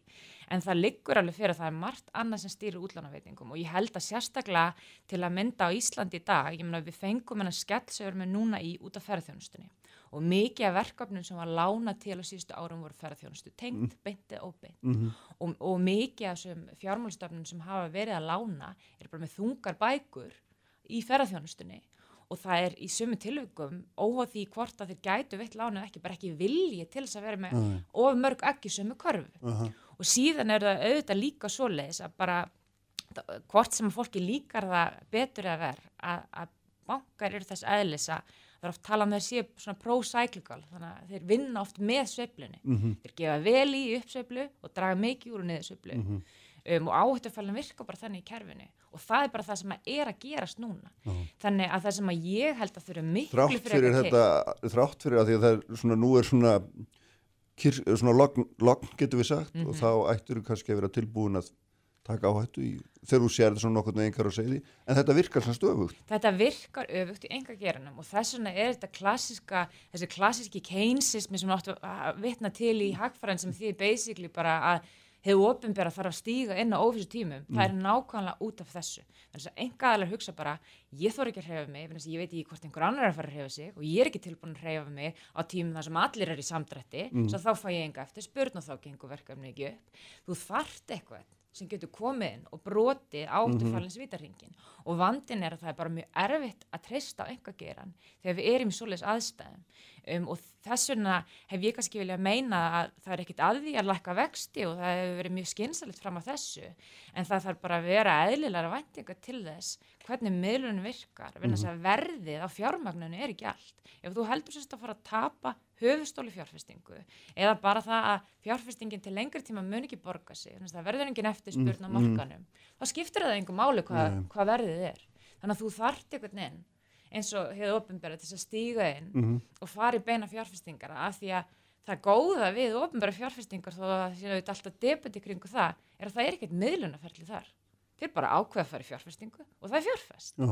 það þarf ekki að treysta á að þetta leki gegnum kerfið af því að það eru oft nögrar þar á sko. mm en það, það er rétti tíminn þá núna þínum að er það ekki eins og annara að hérna, ríkið eigi að spýta hressilegi núna og, og, og, og fjárfesta til þess að svona knýja, knýja hjólinn áfram ég er ekki, bara, bara ekki spurning mm. ég held að, að, að sko mitt mat að þessu hefur kannski snúist fyrst og verðast um að hérna bara veltaði fyrir sig hvar svegrumi liggur. Eins og ég sagði þetta snýst ekki um að megi ekki lækka vexti meira það er bara spurning okkur við erum komin 3% vexti. Hvað er við tilbúin að hafa látt en þess að sístu mælingu og verðbólgu í kringu 2% sem að er bara lágt.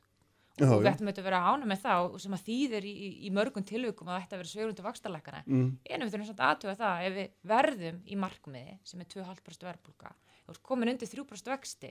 Þá ertu farin að nálgast 0% raunvexti. Mhm. og þá þurfum við að hugsa um hvaða áhrif það hefur á, aðra þætti í kerfinu.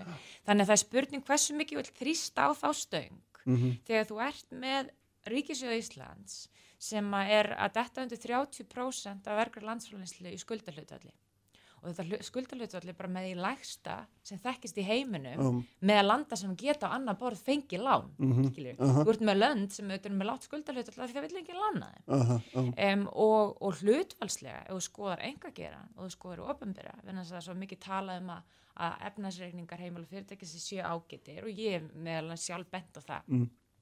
en ef við skoðum svona í sögulegu samhengi og lítum aðeins lengra aftur en bara til 2008 Mhm. það er auðvitað mjög auðvilt að segja að við stöndum mjög vel með 2008 verðan þess að það voru eiginlega bara hvergi jafn háar fyrirtækiskuldir en hér Aha.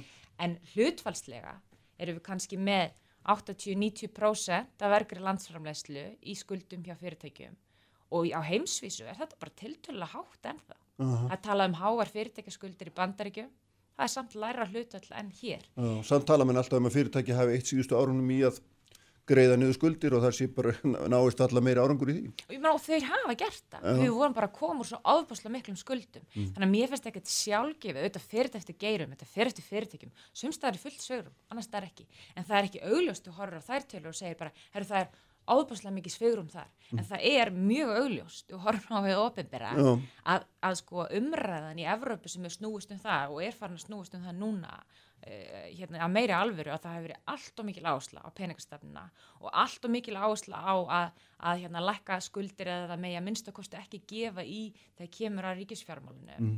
er að skila sér í þessum vanda sem þeir eru í núna og, og Þannig að þú ert að raun og vera að segja mér að það sé rétt að auka hallan á ríkisjóðin.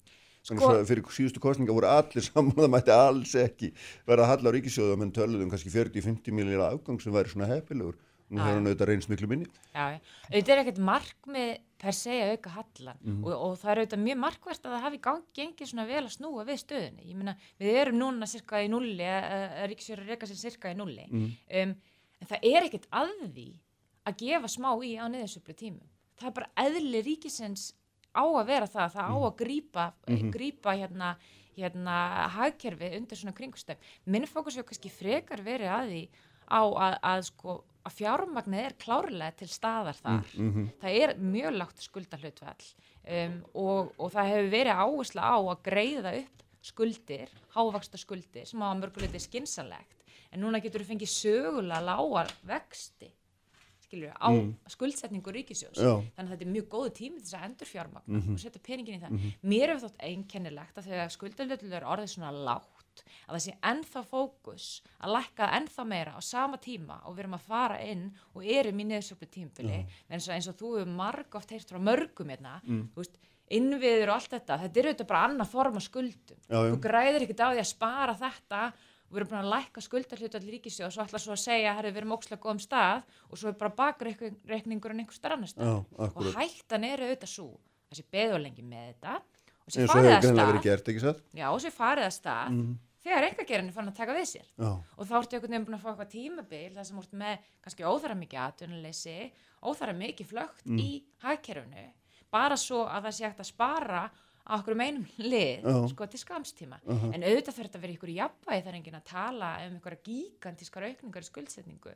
En, en hérna ég held að sé samt ágefnu hversu hægt þetta gengur og hversu mikið pressa hefur verið á peningamálstefnunni þegar það liggur fyrir að það er bara í sömum tilökum erfið að koma fjárfestingu stað í gegnum þannig meðlun að fara við sko. Mm En nú erum við taldið að tala um svo stóru stærðir og fólk sem er að hlusta og er bara með sitt húsnæðislan. Það þetta, Já, er alltaf að horfa á vexti í þeirri vonum að þeir lækki einhvers að skiptir svo gríðarlega miklu máli. Já. En hérna, þú ert svona að flytja því skilabóð það, það sé og í, í ég meina, það, þetta bara þarf að vera eitthvað jafnvægi. Mm. Ég held að geta enginn hort fram hjá því að vakstakostnaður fólks hefur stórkostlega lækkað. Mm. Þar liggur ekki vandin í meðlunni.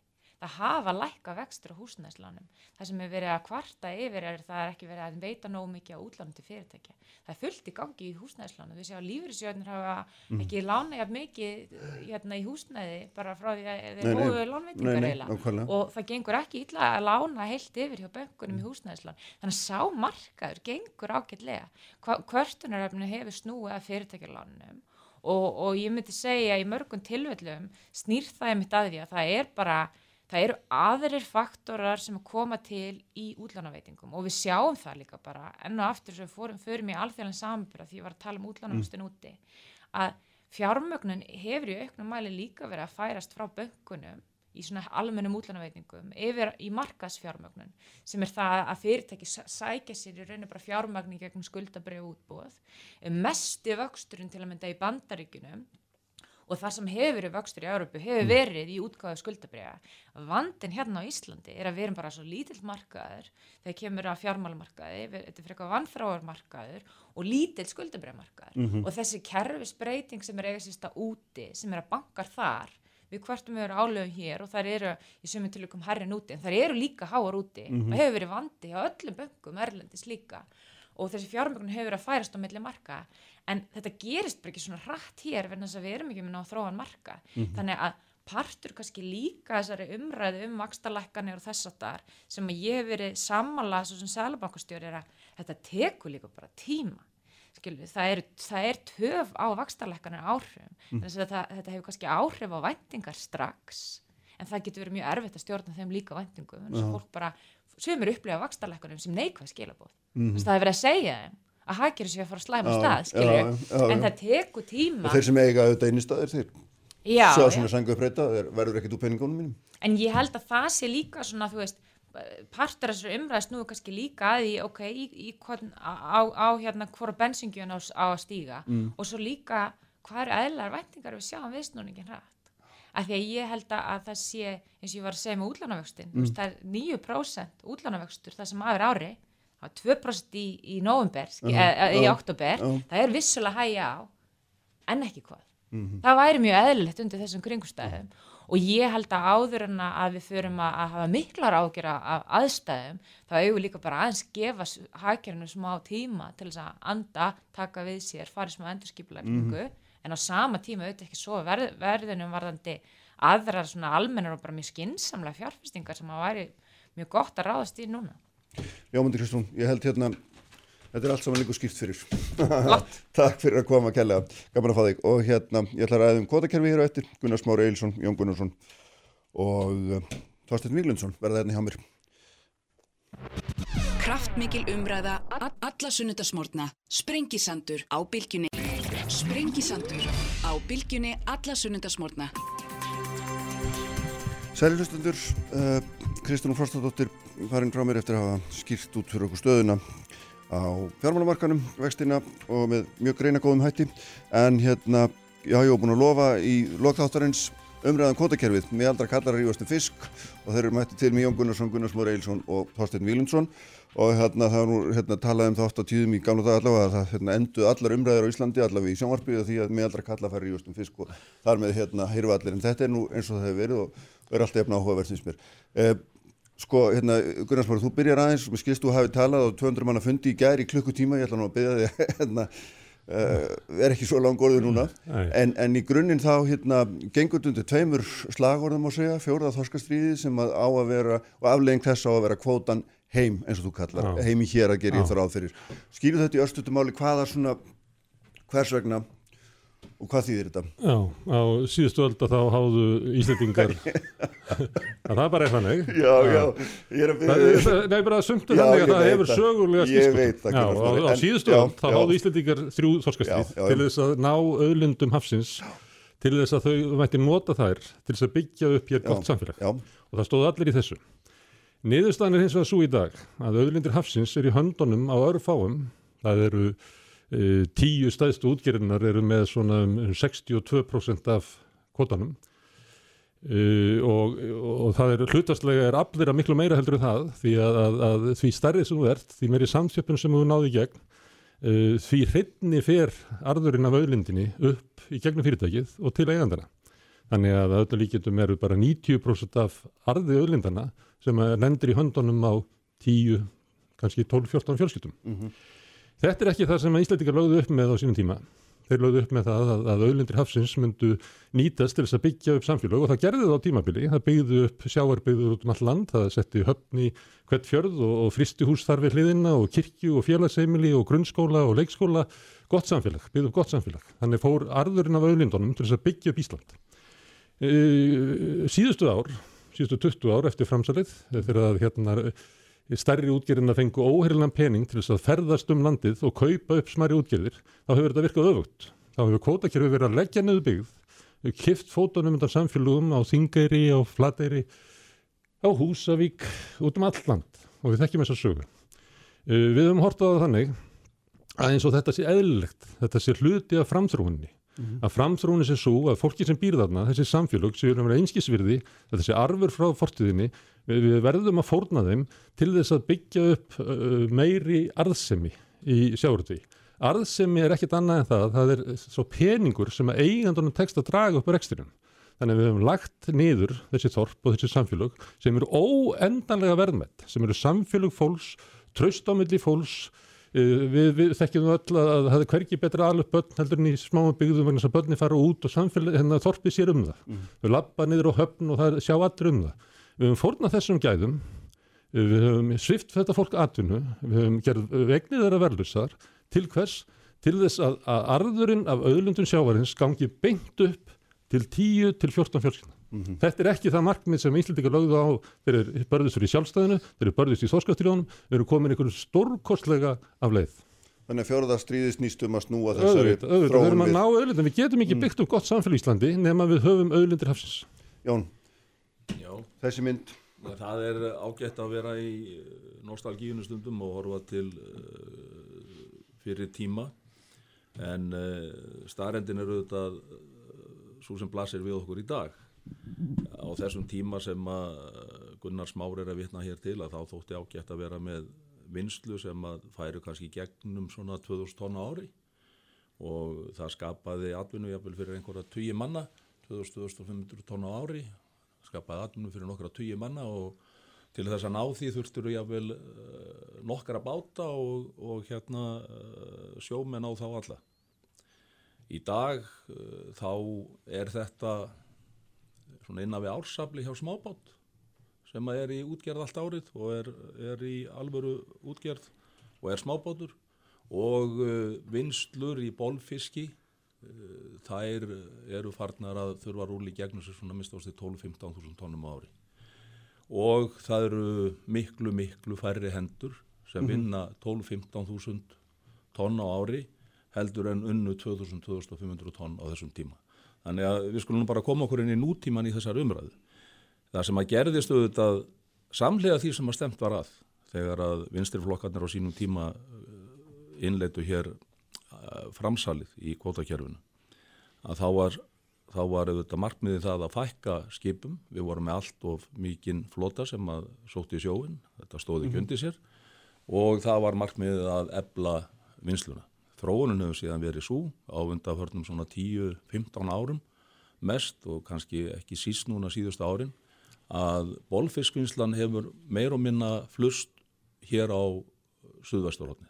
Ef þú skoða bara kort yfir þessi fyrirtæki að þá er það mjög sláandi hversu mikið hefur flust af henni hér á Suðvesturhóttnið og uppsjávarvinnslan hún hefur farið mjög mikið á Östurland, Norðausturland og svo Vestmannegar. Þetta er svona bara hinn stóra mynd sem við okkur blasir, miklu afkasta meiri fyrirtæki og vissulega er uppsjávarvinnslan grunnurinn að þessu. Á þessum tímum nú í dag að þá hefur sannlega aldrei verið í sögunni landað eins miklum fiski á vestjörða eins og undanfærin ár. Aldrei í sögunni. Hann er bara fluttur burtu. Stóru leiti mm -hmm. til þess að vinnan annar staðar þar sem er stutt að fara meðan í flutningsleiðir sem að flytja hann á verðmættamarkaði. Þetta er bara starrindi sem blasir við okkur í dag og hvað er þá til ráða? Já, það er alls ekki til ráða auðvitað það að horfa til þess sem að Gunnar Smár er að bóða hér að skera þetta allt niður og fjölga bátum og, og Ég var ekki að því, ég var að að ekki að því. leiði mér að klára nei, Gunnar, nei, ég leiði nei. mér bara að klára Ég var ekki, ég, ég, ég skal bara leiðrétta þið strax ég var ekki að segja það, það verðum að fara aftur Heyrðu. Valkostur er ekki fortíðin nú skulum við, nú- nú skulum við nútíðin. bara virða hérna að við erum að ræða saman sko. Já, haltu við það sem þú ert að halda já, fram, já, ekki vera að ég, túlka ég sem bara, ég er að segja. eh, þú ert bara að segja það Ég að- var ekki að segja það þú ert, þú Ég er ert, að að að segja. þú ert að segja áhrifan á séu þessar og ég er að lýsa það Að- að- að- að- að- er tilurinn mína til að leiðrétta sig þá er hann að segja hvað hann heldur að ég hafi verið að segja og hlusta ekki á það sem ég hef verið að hérna, segja Já, heyrðu, hérna, verðt alveg rólegur, já. Hérna, eh, sko, hvað er það sem að brást í þessu kerfi okkar þegar við innleitum þessa breytingar? Já, það brást það að menn horfði ekki til þess að skapa önnur tækifæri á þessum stöðum til að byggja upp annað öflugt atvinnulíf, fjölbreyttari verðmætasköpun og fjölbreyttar atvinnulíf. Nú sjáum við að það er að gerast á vestjörðum, af því að það var talað um þá hér áðan. Þar eru þetta að verða algjör gjör breyting úr undvelli lagseldis og uh, margir standa áfram í vegi fyrir því að svo þróun geti haldið áfram með eðlum hætti, en það er algjör bylting. Það er fyrsta skipti malbyggunavélar á gödum og sunnaverða vestfjörðum í 30 ár. Fólki er að fara að taka til húsins í, það er að byggja ný hús, ungt fólk er að flytja, það þarf að byggja, það, þarf að byggja, það þarf að byggja, það þurft að byggja við leikskóla, það er aftur konar bekkjadeildir í skóla. Og það er með svona tækifærum, þessum og öðrum svona tækifærum sem að við auðvitað svörum því að styðja við jákvæða byggðaþróun og þar tel ég að pólitíkinn hafi brúðist. En Jón, hérna, já, allt í fína, en ein spurning verður að koma til þín í þessu sammingi, sko, Gunnar Smári er að lýsa þarna ákveðinni samþjöppun og við erum svona verið að ræða þetta hérna undanförnum þáttum í tengslu við samirjamálið og það held að sem að mótmæli þín og engin og það vist ekki hægt að mótmæli því að samþjöppunum hefur orðið gríðalug og hvað er, hvert er þitt alveg því? Höfum við algjörlega mist tökir á því? Hvernig hérna... Eh, Já, samþjöppunin, þetta hefur kallað á ákveðna samþjöppun í útgerð sérstaklega og ég er talsmaður þess að reyna að styðja við þann fjölbreytileika sem hefur verið í íslensku útgerð. En finnst þér þurfa að bregðast við? því? Já, ég tel að þurfa að bregðast við því. Ég tel, tel að þurfa sé mjög mikilvægt að bregðast við þeirri samþjöppun sem við okkur blasir. Við auðvitað erum ákveðið þak á því hvaða, hversu mikla raflaheimildir mega vera hjá hverju fyrirtæki, bæði í smábótakerfinu annars vegar og hins vegar í, í aflamarskerfinu og uh, við erum aðtúa það í allu alþjóðlegum samanburði. Þá eru þessi fyrirtæki á Íslandi þó þessi stór hér að þá eru þau agnarsmá og það er markaðarinn sem þau kepp á. Ég, já, ég tel, að ég tel að það þurfi að breyðast við þessu. Ég hef lagt fram hugmyndur um það með hvað hætti mig að gera það. Ég hef skrifað um það greinar uh, og, og bara nokkuð ítalega tilugur. Ég hef látið skoða það með mér uh, hjá sérfræðingum uh, svona vítt og breytt á þessu svið og þeir telja er mjög áhugaverða sko, vandin sem er verið að lýsa hérna er einmitt bara uh, þessi grundvallvandi, það hefur ekki verið tekið á uh, auðlindagjaldinu. Það er búið að tala um þetta, það er 30 ár síðan að framsalið kom til sjögunar, ég veit nú að sjálfstæðarflokkurinn sé nú búin að vera í, í ríkisjótt meirum en allan þann tíma. Það eru Ég við erum snur hluta það sem að það var með sjáurðisfránandi. 20 ár, Já, já. við fengum, fengum eitt ár það, já, breytir já, kannski ekki að mjög miklu á einu Nei, ári. nei. Eh, Það er 20 spilin. ár síðan að auðlindarnefnd skilaði sinni niðurstuðu þessum sagði að það verður að tryggja þjóðinni hluteld í arðsemi auðlindina og grundvallar vandin hér er einfallega þessi sjálfstæðisflokkurinn og framsvöndaflokkurinn hafa barist hatramlega gegn því að það sé beitt hér aðferðum eins og útbóði á veiðihimildum til þess að tryggja þjóðinni eðlilega hluteld í, í arðsemi auðlindina. Þa, þá fjármunni væri hægt að nýta til þessara uppbyggingar sem Jón er að vísa til að láta arðin af auðlindinni renna til heimabyggðana til þess að byggja upp eitthvað annað. Þú, þú snýrði ekki aftur til fortíðar. Það þýðir ekki að vera með eitthvað fortíðar glíu hérna. Við erum með mjög arðbæran sjáurútveg. Hann er samkeppnisfær á, alþjóðavísu og við hefum ekki að reyka sjáurútveg sem eitthvað atvinnubóta eða byggðastefnu heilt yfir. Þetta er einn stærsta útflutningskarinn okkar hún þarf að vera vel skipulögð og arðsum bara fyrir þjóðabúið í heilt. En þjóðin er ekki að fánin að beina hlutild í, í öðlindarendunni sem er mjög mikil í þessari grein, þetta eru mjög arðsum fyrirtæki og það er löngu tímabært að taka á því. En það hefur bara verið stefna bæði sjálfstæðismanna og framsvöldamanna ekki eitthvað síst í uh, sínum ríkistjórn og tíðum yfir allt þetta tímabil að koma í veg fyrir að þetta sé gert. Þetta eru 20 ára gamlar hugmyndir þar sem að tala var um að þetta veri algjörlega nöðsulegt tímabundnar veiðihimildir og þeim erið útlutað með þeim hætti að með einhvers konar útbóðsfyrirkomulegi þannig að útgerðin greindi eðlilegt gjald fyrir aðgangin aðurindinni. Það er verið að gera ráð fyrir því að útflutnistekjur sjáurútus verið 250 miljardar á nýlun ári uh, og að þessu ári gerum við ráð fyrir að greinin greiði 5 miljardar í veiðigjöld. Mhm. Það sjá það allir að þetta er, þetta er bara hlægilega lágt gjald e, og útgerðin sjálf hefur sínt það ítrekkað að á öðrum miðum erlendis er nú tilbúin til þess að borga miklu mun herra gjald fyrir aðganga að veiðheimildum heldur hún er að gera hér er, sko, hérna, ef að það væri herra auðlindagjald. Og setjum, til dæmis að væri hérna, stór sjáurðsfyrirtæki þyrftu að vera í almennri eigu, það vera á hlutafélagmarkaði og væru bara almennis hlutafélag þá myndi þetta skila sér til þjóðarinnar í einhver skilningi. Væri- myndi það ekki duga? Ástæðan fyrir því ég uh, talaði um uh, eyðingu byggða innan kvotakerfisins er ekki það að ég sé að leggja til þess að nú verði árið 1950 heldur er ég að benda á það hvaða fórnir voru færðar til þess að auka arðsemi sjávarútusfyrirtækja sem og arðsemi á sjávarútusfyrirtækja eru þeir fjármunir sem eigandunum draga upp til sín. Uh, það voru raunverulega fótunum kift undan uh, sjávarbyggðum víða um land til þess að, að uh, samina vinslu, samina kóta og færri skip. Skaðinn sittur eftir, hann hefur aldrei verið bættur menn er að tala um að hér er svo stjórnvöld að koma einhvern tíma 20 ára setna og fara með einhverja byggðastefnu, uh, kótin var byggðastefna sem að lagði niður sjávarbyggðir víða um, um land. Það talaði um aukna hæ- hagræðingu uh, uh, frá því fyrir kótakerfi og þannig til núna hefur fækkað 7100 manns samkvæmt hagstofunni. Og hagstofan mælir þetta, hún mælir líka landan aflan á vestfjörðum, hann er þriðjungi Fækkað 7100 manns, hvar mennur? sjö- 7100 manns færri sem vinna við fiskvist í dag Já, já. ef við segjum að þessi 400 skall á mánuði Mhm. bara með launandöldu gjöldum, algjörð lámaslaun að þá eru það 34 miljardar það tókst að leysa, kerfið tókst að leysa 34 miljardar sem voru fastir í launatjekki fólks og gera hvað við þá, færa þá til eigenda örfára fyrirtækja. Hvort er fjárháslega hagkvæmara að borga fólkin út launin, þannig að þau farið með launin sín og eigðum út í samfélaginu, eða að hérna, þessar 10 til 14 fjölskyldur fái, fái þennan pening. Ég er ekki endilega að leggja til að, að við hérna, sittum 7100 manns í, í atvinnubótavinnu eins og hér er benda á. Ég er að benda á það að, að þau sem að byggðu upp, upp sjávarútveginn á Íslandi var fólk í þessum byggðum. Það var ekki bara einn ríkur kall sem að byggðu upp Bólungavík. Það voru allir sem að unnuðar, fólki sem að vann í fiskinum, sjóminnin sem að fórnu lífi sínum á miðunum. Það, var- á síðustu, síðustu öld dóu týjir og hundruðu sjómanna við störf sín. Það f- lést engin útgerðamaður. Af hverju ættu við að, að sveigja sjávarútveginn að þörfum útgerðamannana 10 til 14 fjölsýnuna en að horfa á verðmæti eh, Hvernig samfélagana viltu þá sveigja hann af leið? Hvernig Ég- viltu eða snú honum við? Ég vil á gera að það svona, hérna, ég vil sérst, að, ég sá, sá einhverju fæsli þar að þú til dæmis vildir ekki markas hérna, lausna kerfi sem að Þorsteinn Nóri Viðristnir að búa. uh, það sem hann var að segja áðan, Já. hann sagði að færa það aftur til byggðana uh, kannski er hans hugmynd svo að, að, beita sko, markaðs uppbóðskerfinu Mm. og það sem ég hef andmælt uppbóðskerfinu, ég hef sagt eins og fólki á þingiri, það er ekkert betur sett þótt að kvótið þeirra hafi verið bóðin í burtu eða hvort það var seldur um, um, í skjóli nætur.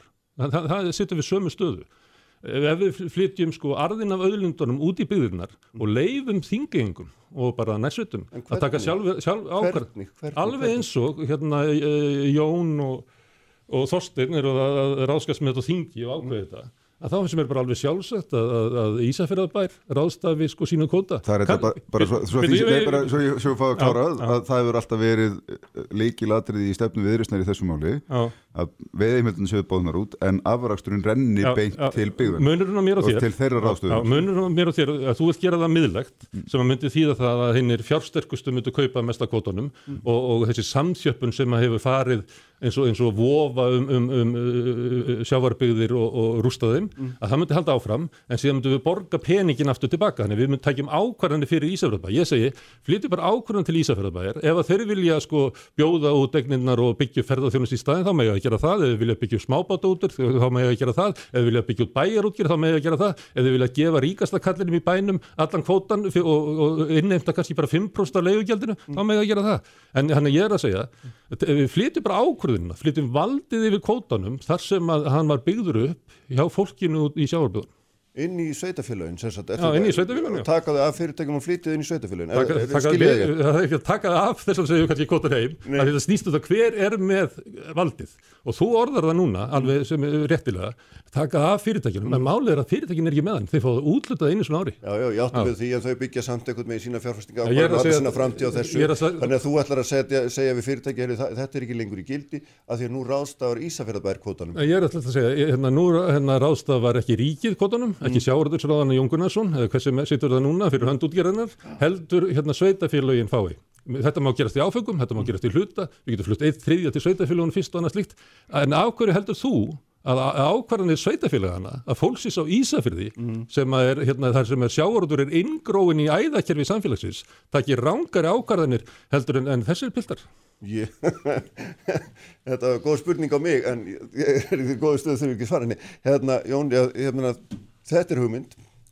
Sko við, Já, já. við vorum þetta með kerfi á sínum tíma sem að, hérna, var miklu tengdara byggðum, það er alveg ljóst. Við vorum með bæjarútgerðir, svo dæmis tekið Já, já. og vorum Sem að fyrt- byggðu upp Ísland. Já, já, allt í góðu Gunnarsmár en allt er breytingum háð, sko, og breytingum undir orpið. og og, svo, Reykjavíkur. og svo saga er auðvitað uh, þyrnum stráði við getum orðað með þeim hætti sko, það er uh, þessi félög voru nú almennt uh, bakki á bæjabúum líka, það fór mikið af skattfjö borgarana í þessum sveitafélögum í að halda þessum fyrirtækjum gangandi. Uh, þannig að uh, menn fór, að, fór í það sveitafélögin einmitt að selja þessi fyrirtæki sín og, og hérna, það var hluti af þessari þróun, þessari, þessari framsalsþróun. Ég held að sko svo leið sem að Þorstein er að tala fyrir hér, þú veist, að setja aflán á markað er eitthvað sem að eh, að mínumati mætti skoða í, með einhvern hluta af þessum afla. Veiðigjöldin væru þá uh, mögulega greitt með, með afla sem að er þá til rástufunar. Þess vegna fyrir byggðirnar. Við höfum verið til að mynda núna í umræðum það hvernig við eigum að fara með þessi 5,3% sem að eru tekin í dag, einmitt í félagslega þátt kerfisins. Eh, Við höfum verið, það verið uppi hugmyndunum það, og þetta eru kannski ígildi 30.000 tonna á árið, þorskíkilds tonna og menn hafa verið að velta því fyrir sér hvort að það er að láta sko, sveitafélugunum um það að útluta þessu eða, eða leia þetta eða hafa einhvern drástufunar rétt yfir þessu og það má vel vera að það sé eftir að þróa kerfið í þá átt. Það er alveg ljóst allavega í mínum huga ef við ætlum að eh, bregðast við þessari miklu samþjöppun sem að er að eiga sér stað að uh, þá, þá þurfum við með einhverjum hætti að auka aðgengi ákveðins hluta útgerðar í landinu að uh, meiri aflaheimildum og uh, þegar að Gunnars Mári vitnar hér í sko 10-14 fjölskyldur að þá vil ég bara minna á það að ég held að séu hátt í 600 fyrirtæki skráð í sjávarúti í Íslandi ef ég maður þess að tölur rétt. Það er mikið af litlum meðalstórum fjölskyldufyrirtækjum þar sem að fólk byggir afkomu sín á þessu og er með fjöldamanns í vinnu. Og uh, þessum fyrirtækjum er því miður að fækka. Og það eru þetta hagkvæmni stærðarinnar sem hefur kallað á það. Og há veiðigjöld hafa verið kannski einn grundvallar forsendan í því að það hefur verið svo íþingjandi fyrir þessar útgerðir að standa undir þeim að menn hafa freka kosið að hætta rekstri og fara út úr þessu. Og stærðarhagkvæmni getur borgað herri veiðigjöld. Þannig að sko þegar við tölum um, um arð af öðlindinni og greiðslur og, og að rukka aðganga þessu að þá talar Þorsteinn annars vegar um það að fara bara hér í það að bjóða þetta út. Og ég gerir á fyrir því að Þorsteinn sé þá að tala um að bjóða þetta út bara hæsbjóðanda og eh, kannski Nei, einhver sé til, haldið til haga að við erum auðvitað að tala um, um hámásreglur hérna, og það Já, með- skerpa á því þannig að það verði ekki akkurat. of mikið Já, samþjöppun, já, það já, er ég, er alveg klára á því en, en það verða samt alltaf þeir sem að geta borgað mest sko, sem að, sem að, sem að hérna, eiga mestu möguleikana eða svo regla er farin en með því þessu að marki ef þeir með ekki eiga nema ákveði þá komast þeir ekki já, lengra já, sko. við erum með það það geta í Já, já. 12% og hvað í 7% er það ekki í, í krókafalmarskerfinu sem þú mátt ekki halda á Mm. meira í veiðiheimöldum heldur en uh, því nefnur. Þannig að sko þetta er vandrataður vegur í allir þessari fjölbreytni sem að ég tel að sé grunnurinn að því að uh, það geti skapast mm. vítakari sátt um þetta kerfi inn í framtíðina. Það er að við náum að halda fjölbreytileikarum en séum ekki aðgerðalaus að horfa upp á þá þróun sem hefur átt sér stað hér á undanfjörðum árum. Við þetta hafa ríkistjórni glým. Það hefur verið mjög áberandi bara frá hruni hvernig ríkistjórnar hafa glýmt við þetta. Það er minnið, það er minnið stætlegar að Stengrim Jón Sigfússon í vinstri stjórninni 9-13 sagði í november sem fjármálar á þeirra hann fær inn í sjáurútisráðanduðum um áramót og hann erði nú ekki lengi að því að koma á breytingum í fiskveðistunarkerfuna. Hann myndi klára það fyrir vorið. Ég held meira svona að við sagt klára það fyrir lok februar. Að hann kláraði það ekki á einu kjörtímabili. Viðrist fór inn í sjáurútisráðanetið 2017 og var þar í tæft ár og þeir síndi ekki á neinn spil á þessum tíma. Það segir okkur það bara að nálgunin á þetta til að gera þetta af skinnsemi í þáu þjóðarinnar og, og hérna að ná þessum, þessum þe ná því að kannski að svona styðja við þennan fjölbreytileika hafa, hafa smá útgerðirnar líka starfandi í kerfinu þetta er ekki einfalt mál en ég tel að sé mjög mikilvægt að breyðast því Bara ég verði að fá að svara einu hérna því að hlé. það er rétt Já. að er, þegar Jón segir jú, það er rétt við vorum í sjáurútsráðnundin í eitt ár, eh, tæft ár Þorgerur Katrín setti á fót nefnd til þess að gera tilugur að breytingu kerfinu og þar var alveg ljóst að það voru fyrst og fremst núverandi ríkistofnaflokkar fransnaflokkurinn, sjálfstæðisflokkurinn og vinstri græn sem lögðust alfarið gegn öllum breytingum það er bara ekki rétt Þorsteinn. það unnu- er bara alls ekki rétt. unnu ég satt í þessari ríkistjórn með þér. Ég- satt í Þetta- þess- Jón, leið mér nú að klára hérna. Ég satt í þessari hálfan ég- þáttinn, ég ég hef verið mjög satt í þessari og ríkisstjórn með þér. Þetta er bara, þetta er bara endur tekinn saga þessa fyrirkomulags sjálfstæðisflokkur, framsnaflokkur og nú vinstri græn með hafa bara alltaf verið að tefja hverja þær breytingar sem kann, vera, kann mögulegt að gera á þessu kerfi. Það er 20 ár síðan að neðustæðan lág skýr fyrir, þá var hún þver pólitísk að það þyrfti að útleita veiðheimildum til tímabundin, eh, það þurfti að vera tímabundnar og það, þeim þyrfti að vera útleita gegn gjaldi. Það er ekki ennþá tekist að koma því kerfi á og það er bara því að þeir flokkar sem hafa verið í ríkistjórn megnið að þessum tíma hafa barist gegn þessum breytingum. Ljómandi, við svona örstutt hlé, samna tekjum, svo höldum við áfram. Kraftmikil umræða alla sunnudaga. Sprengisandur á bylgjunni. Sprengisandur. Alla sunnudaga á bylgjunni. Sæli hlustendur, við erum hérna á loka sprettinum á sprengisendinu hennan morgunin Gunnar Smára Eilsson, Þorstein Víglundsson og Jón Gunnarsson eru hérna hjá mér, við erum að ræða um kvotakerfið kjálfar svona hugmynda sem að sósialistar eru að leggja fram að kvotin verði sendur aftur heimi hér að rástafa þaðan e, sko hérna, ef maður reynir ekkert meina að súmur upp þessa stöða þá, þá er þetta þannig að umræðan um sjáratsmál gengur út á það hvort við séum matalaframlendur í alþjóðleiri samkeppni sem þurfum bara að ná sem mestri arðsemi út úr því og standa okkur alþjóðlegu markuðum og annars verður þeir hirtir á okkur.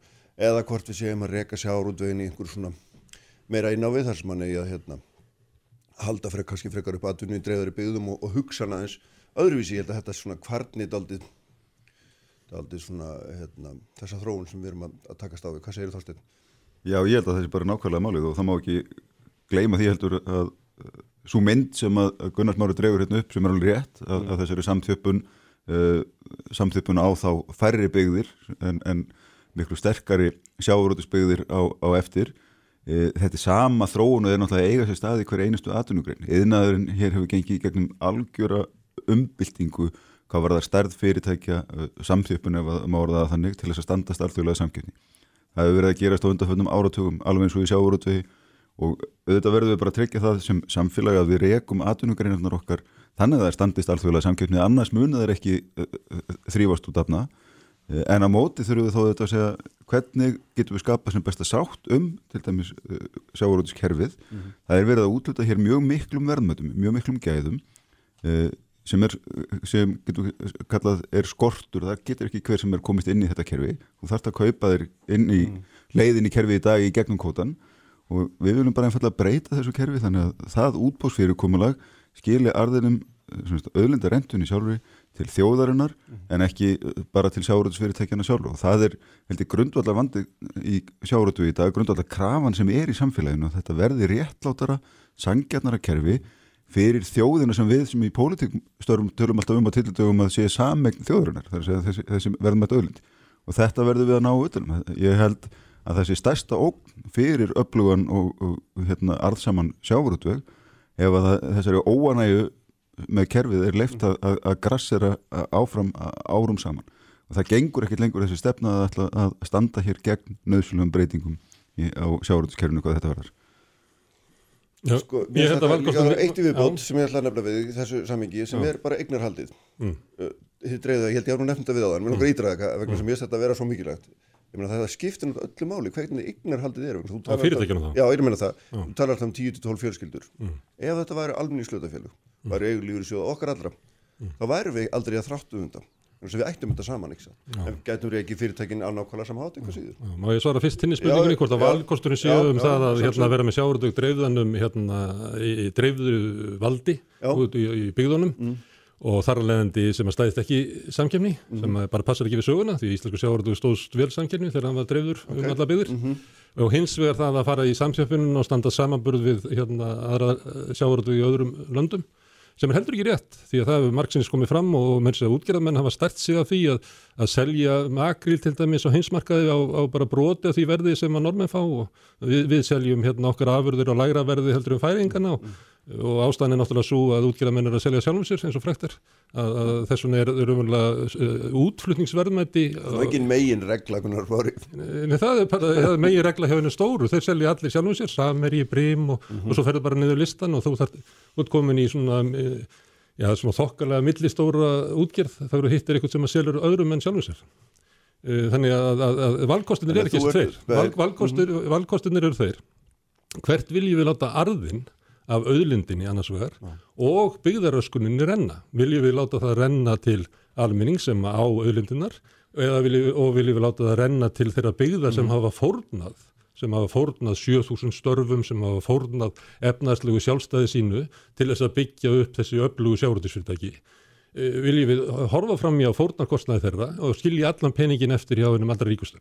En ég ætla að skjóta einu hennin að því að mér, mér slær mér svolítið sko hérna að, að helsti talsmaður sjálfstæðarflokksins í sjárutismálum. Hvað hann byggir sko kenningar sínar á, á, á veikum grunni. Hann var haldið fram að vera meiri afla að landa á vestfjörðu nú en fyrir kótakjör og það er bara ránt. Hann var að segja það að, að auðlindagjaldið hefði fækkað smá um útgjörðum. Það er líka ránt. Áður en að auðlindagjaldið var lagt á, þá voru smerri útgjörðir, það er útgjörð nummer 51 í stærð mm. sem er svona góður vertiðabátur þar sem að útgjörðamæður var sjálfur skipstjóri, er svona eiginlega sko hérna það sem að byggðu upp, upp, upp góðar sjáarbyggðir mm. viðast á land og niður í bara minnstu trilluna hlutið þeirra í kvótanum í upphafi var 45% áður, hérna, áður en að veiðugjaldi voru lagð á einhverju ráði eftir hrun að þá var hlutur þess að koma nýri 10% nú eru þeir kominir í eitthvað svona 8% mm -hmm. þannig að samsjöpunin hún er á ekkert skilt við hérna, veiðugjöld, ekki neitt. Og það er ekki hægt að byggja umræðu og sjáuröndismál á bara einhverjum raungum fullurðingum mm. þeirra sem að tala fyrir hönd valsins þetta er fyrirvöndi sjáurðisráður og maður gerir ráð fyrir hans Ég er fyrirvöndi sjáurðisráður fyrirvöndi ráður og mikill talsmaður flokksins í sjáurðismálum að maður gerir ráð fyrir því hans að tala af, af sko, þekkingu. En hann dreifir í kringu sig raungu fullurðingum til þess að blekja umræðina og þetta bara gengur ekki. Já, já, ég get nú bara sagt það að uh, ég man ekki hvernig það var í atvinnu að nefnd sennilega á þeim tíma sem ég var formaður hennar 13 til 16 þá voru þessi málinn svo gætnan til umræði nefndinni. Þá var þetta tekið saman fyrir okkur á þeim tíma nú veit ég ekki alveg hvernig þetta var í fyrra eða hitti fyrra en þá var þetta tekið saman fyrir okkur í sögulegu samingi og þá var landaður afli á vestjörðum meiri heldur en að hafði verið nokkur sinni í sögulegu samingi það er bara tölur sem við fengum inn á borð hjá okkur og ég er að vitna til þess eh, hann er fluttur í burtu þess afli. Ég meina ég er mikið norður á Siglufjörði þar sem að uh, dóttur mín býr og tengdasónur og, og hérna barnabötu mín og uh, þar fylgist ég með því þegar að bátanir eru komin á landa. Ég taldi um daginn einhver tíman þá voru 16 flutningabílar á sunnudegi uh, stattir á höfninni og kæjanum á Siglufjörði til þess að kæra burtu fisk mm -hmm. sem varu að landa þar. Af því að þarna er bara hagvæmt að landa, viðin eru þarna ekki langt frá og, og þeir voru að fara vestur á Snæfellsnes og söður í Grindavík og, og hér söður með, með þennan fyrstu vinslu. Miklu maður afla landað en hagkvæmnin hefur leitað í, í þetta. Sko, eh, ef að við færum þessa leið sem að Gunnar Smári vill í einhverju sögulega samingi líta til þess sem að var landað af afla á þessum stöðum eða unnið á þessum stöðum, nema hvort það ekki að væri þá er líka á, ágætt að hafa það í huga að það kæmi ansi drúur hlutur hér til sveitafélagan og höfborgarsvæðin sérstaklega Reykjavík og Hafnarfjörðar. Allir það gæti ekki leiðin að því að eitt þriði aflaheimildunum kæmi þá hingað til rástöfunar á þessum sveitafjörðum. Þetta er ránt, ég skal leiðra þetta eftir. Já, það, veist, það er allavega, hefur verið mjög í sögulegu sammingi mjög öflug og mikil útgerð í Reykjavík, stærsti útgerða bær landsins. Reykjavík byggðist upp á, á bæjarútgerð. Og, og, hérna, og Hafnarfjörður eru þetta sög, sögulegu sammingi stór útgerða. Byggðist líka upp á bæjarútgerð. Mm -hmm. Þannig að sko, e, það sem er svarið okkar auðvitað við þessari byggðaþróun áhrifum breytinga í, í, hérna, í vinslu á fiski og þessari verðmættasköpun í því. Þetta er fjórða innbyltingi sem er búin að hefja sem að kannski fyrst tekur þarna og við finnum fyrir. Það er þessi aukna tækni sem að kallar á miklu færri hendur í að búa til miklu meira verðmætti. Svar okkar við því eru auðvitað að búa til önnur tækifæri fyrir þessa staði, ný tækifæri og þar höfum við klikkað og það eru grundvallratrið sem þurfa að vera uppfyllt til þess að svo megi verða. Það er í fyrsta leið þurfa samgöngur að vera sómasamlegar og við vitum það að við erum langt á eftir okkur eh, eftir öllum kröfum í því sambandi. Dreifikerfi raforku. Já, það eru fjölmörg tækifæri á hverju einasta ári að hverfa frá þessum byggðum og mörg þeirra hafa reynda á einn skinni komin í viðræður við aðila um það að byggja upp eitthvað sem að stóðar síðan á því að dreifikerfi getur ekki flutt raforkuna og hún er ekki til og síðan þurfum við fjarskipti.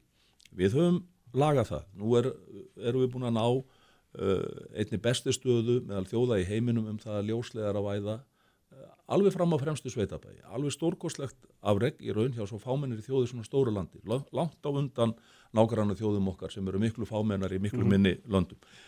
Það er að skapa nýtækifæri nú þegar, það er líka að auka á íbúa, gæði íbúana, mm. menn geta stundar nám heima frá sér Já. og tekið þessi alls konar verkefni. Já, það, er þetta, það, er þetta, það er þetta sem við verðum að horfa Já. til, við eigum meiri tækifæri þessu heldur nokkur önnur þjóð með þessar ónýttu auðlindir sem við eigum til raforkuframlislu, ebla dreifikerfið og grundvelli þessa að fara í Uh, alls konar fjölbreyttan yðnað mm. sem að gefur þessu fyrir, fyrir fólki nýtæki fyrir þessa umræðu þá skiljið þannig að þú hafnar ekki því sem Gunnar Smárar er að segja að byggðirnar hafi hérna, uh, margarlendi miklu vandræði með þetta og, hérna, en að þú tellir að það þurfu ekki að grípa til sérstakara hérna, aðgerða ætlaði nú að reyna að segja í sjáarúti aftur. jú, jú, ég tel að það til þess að flytja kvóta þanga sérstaklega ég, ja, sko, ég sagði það hér áðan mm. og ég tala alveg skýrt í þeim efnum. Ég tel að það sé mjög mikilvægt að það sé brugðist við þeirri samþjöppun sem að blasir við okkur í sjáurútvi og að við styðjum við það að fjölbreytileikin verði áfram í íslenskri útgjörð. Mm. Og þetta tel ég vera grundvallaratriði og það er alveg ljóst í mínum huga jáfnframt að við erum með slíkum, slíkri stefnu erum við ekki mögulega hámarka uh, sko hvað getur við sagt, hámarka þessa arðsemi greinarinnar vegna þess að það er óarbærara margt útgerðarformið mm -hmm. heldur en annað.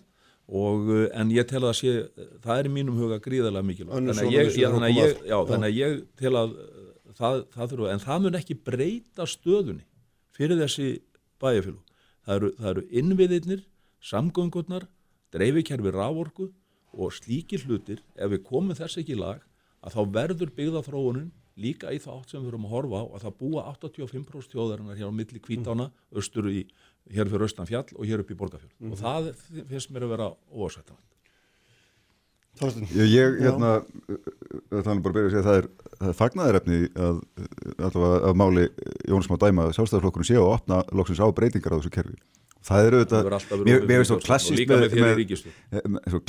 með, með, hérna, politísku umræðu mm. við erum alltaf að rífast um sama hlutin ár eftir ár, áratug eftir áratug. Mm -hmm. það eru 20 ár síðan að, að þessar niðurstöður auðlindarnefndarinn er komið fram með mjög bara einföldum uh, skinsamlegum tilögum um það hvernig við tækjum á þessu. Því hefur ekki tekist að hrindaði framkvæmt það er búið að endur taka þá niðurstöðu í nokkur skýslum síðan það er komið tími til þess að framkama þessar breytingar Já, En ef þú ferða eins inn í þetta sem við erum að ræða, reyna að ræða um þessar stöðu byggðana mm. rétt í lokin hjá þér myna, finnst þér þurfa að grýpa til einhverja sérstakra ráðstafna nákvæmlega í þým tilgangi Ég held að leikir þáttur því er einmitt að auðlindin skil, skilir sér inn í heimi hér að, mm -hmm. að arðurinn, tekjum sem fengust með útbóði á, á tímaböndum veið heimildum við viljum ekki tala um óbreytt kerfi það þarf að, að til dæmis að gera það fyrir frekari samtöpun við hefum líka lagt fram frumvarp um skráningu stærri sjáuröldisfyrirtækja á markað til þess að almenningur fái beina tækifæri til beina eignar þáttöku í, í fyrirtækunum en líkilatrið er þetta það sem fæst fyrir nýtingaréttin á hverjum tíma á að renna heimi hér að aftur til annar atvinnu uppbyggingar undir þeirra forræði, undir forræði sveitafélagana sjálf. Við getum ekki eins og Gunnar Smáður er að leggja hér til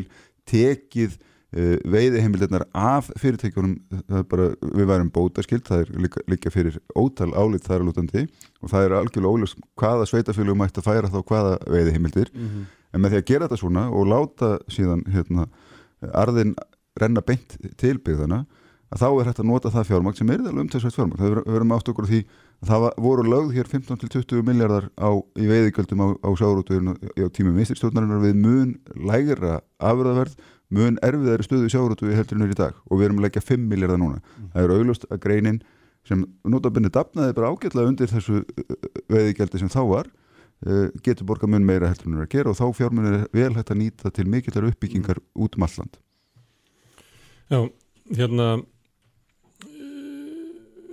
það kom hérna fram að, að eh, sambandi við kvóta í, á höfuborgarsæðinu Mhm. að þá hefur eh, Reykjavík eh, hérna, fengið meiri fisk, kvótakjörið kvótakjörið fært Reykjavingum meiri kvóta, Mhm. meiri landaðan fisk, fisk me- meiri landaðan fisk og, og hérna öflugur í sjávarútug að einhver leiti held ég að það hérna, skekki mynd þeirra sem búa hérna á afleðingu kvotakjörnsins. Þeir horfa fyrst og fremst á óréttlætið sem að er svona grunnurinn í, í stefnu viðreisnar, samfélgingarinnar og pírata um að, hérna, að, að arðurum verða að fara til þjóðurinnar sem, bara, sem heldar. Mhm. Og það er, það er, það er eðlilega réttlætiskrafa. Það er náttúrulega algjörst óréttlæti því að, að þess auðlindir hafsins sem Íslandingar börðust fyrir að, að ná undir sig renni til svona forra.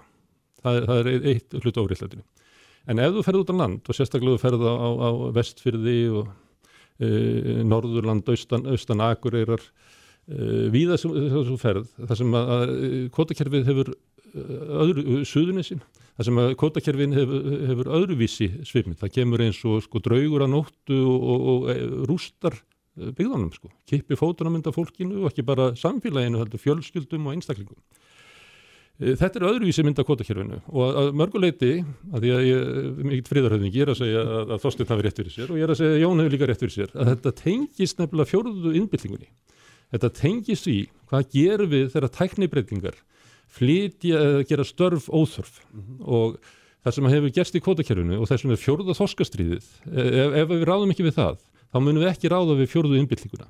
Því það sem að hefur gerst þar er að tæknibreiting og fækkun starfa hefur flutt allan hægin af þeirri tæknibreitingu til viðbótar við hérna, hægin af, af hérna, auðlindinni sem að Þorsteinn bendir á til örfára og það gengur náttúrulega ekki.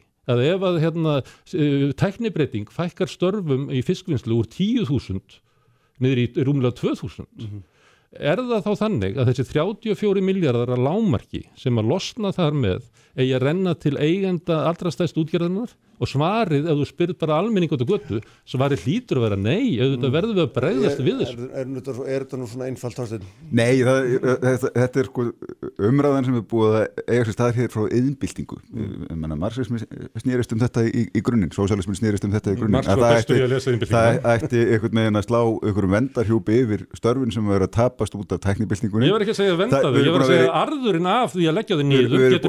að að að bara til kalsisamanverksmiðuna, heldur verður að fara til samfélagsins. Mannkynnið búið að vera í samfelldri tæknibyltingu núna undan þarna þrjára aldir eða svo. Störfin hafa, störf eru að hafa aldrei verið fleiri uh, og okkur hefur aldrei vegna betur uh, bara sem heimsbyggð þegar við horfum allavega á höfuna efnaðarslegu hlið. Jöfnuður er miklu meiri heldur en það var hér fyrir áratugum eða árhundruðum efnaðarslega velsæld er miklu meiri. Það, við stígum ekki inn í og breytum þessu en við þurfum auðvitað að skapa stuðla því að, að það skapist ný tækifæra á móti þeim sem, sem tapast. Það, ég hef miklu meira áhugjur af því. Þegar við ræðum sjáurútvegin og sjáarbyðinar þá maður við samt ekki gleyma því við erum búin að byggja hér upp nýja atvinnugrein sem heitir ferðarþjónustu og það er atvinnugrein sem við erum með fyrsta skipti að sjá raunverulega atvinnugrein út um alland. Það er mikið fagnaðarefni og við þurfum auðvitað að hlúa henni líka og við þurfum að klára að byggja upp innvið. Við erum, það er alveg augljóst, við þurfum að stækka atvinnusvæði á landsbyðinni með bættum samgöngum og þar höfum við ekki verið að standa okkur. Við höfum enga meginn staðið okkur í að fjárfesta í innviðum í samgöngum með þeim hætti sem við höfum þurft að, að gera á undanföndum áratök. Sko, grundvöllurinn er 43 sekundur, ég ætla að nota 20 til að afkynna þannig að já, þú veist en hérna bara grundvöllurinn er sá og það er það sem að ég finn þegar ég fer út á land og ég gerir mikið af því og ég fer víða það er bara, heyrðu, viljiði skapa þar aðstæður að við getum bjargað okkur sjálf, Mm. viljiði ekki vera þvælast fyrir okkur? Og við erum okkur er tíðrætt hér um vestfyrði og í, í, við Ísafjörðardjúp er Við ræðum e- bara við Ísafjörðardjúp er lagsendi upp á 30.000 tonn sem mun skapa bara þættinum 700 lokið. bein og afleitt já, það er þetta sem við þurfum að íta áfram. Ég verði að láta þetta gott þetta í dag. Ég var Jón Haldursson stýrði útsendingu af venju. Allt efni á bilgjarn.is og vísi.is og ég verði þetta aftur eftir viku. Verðið sæl.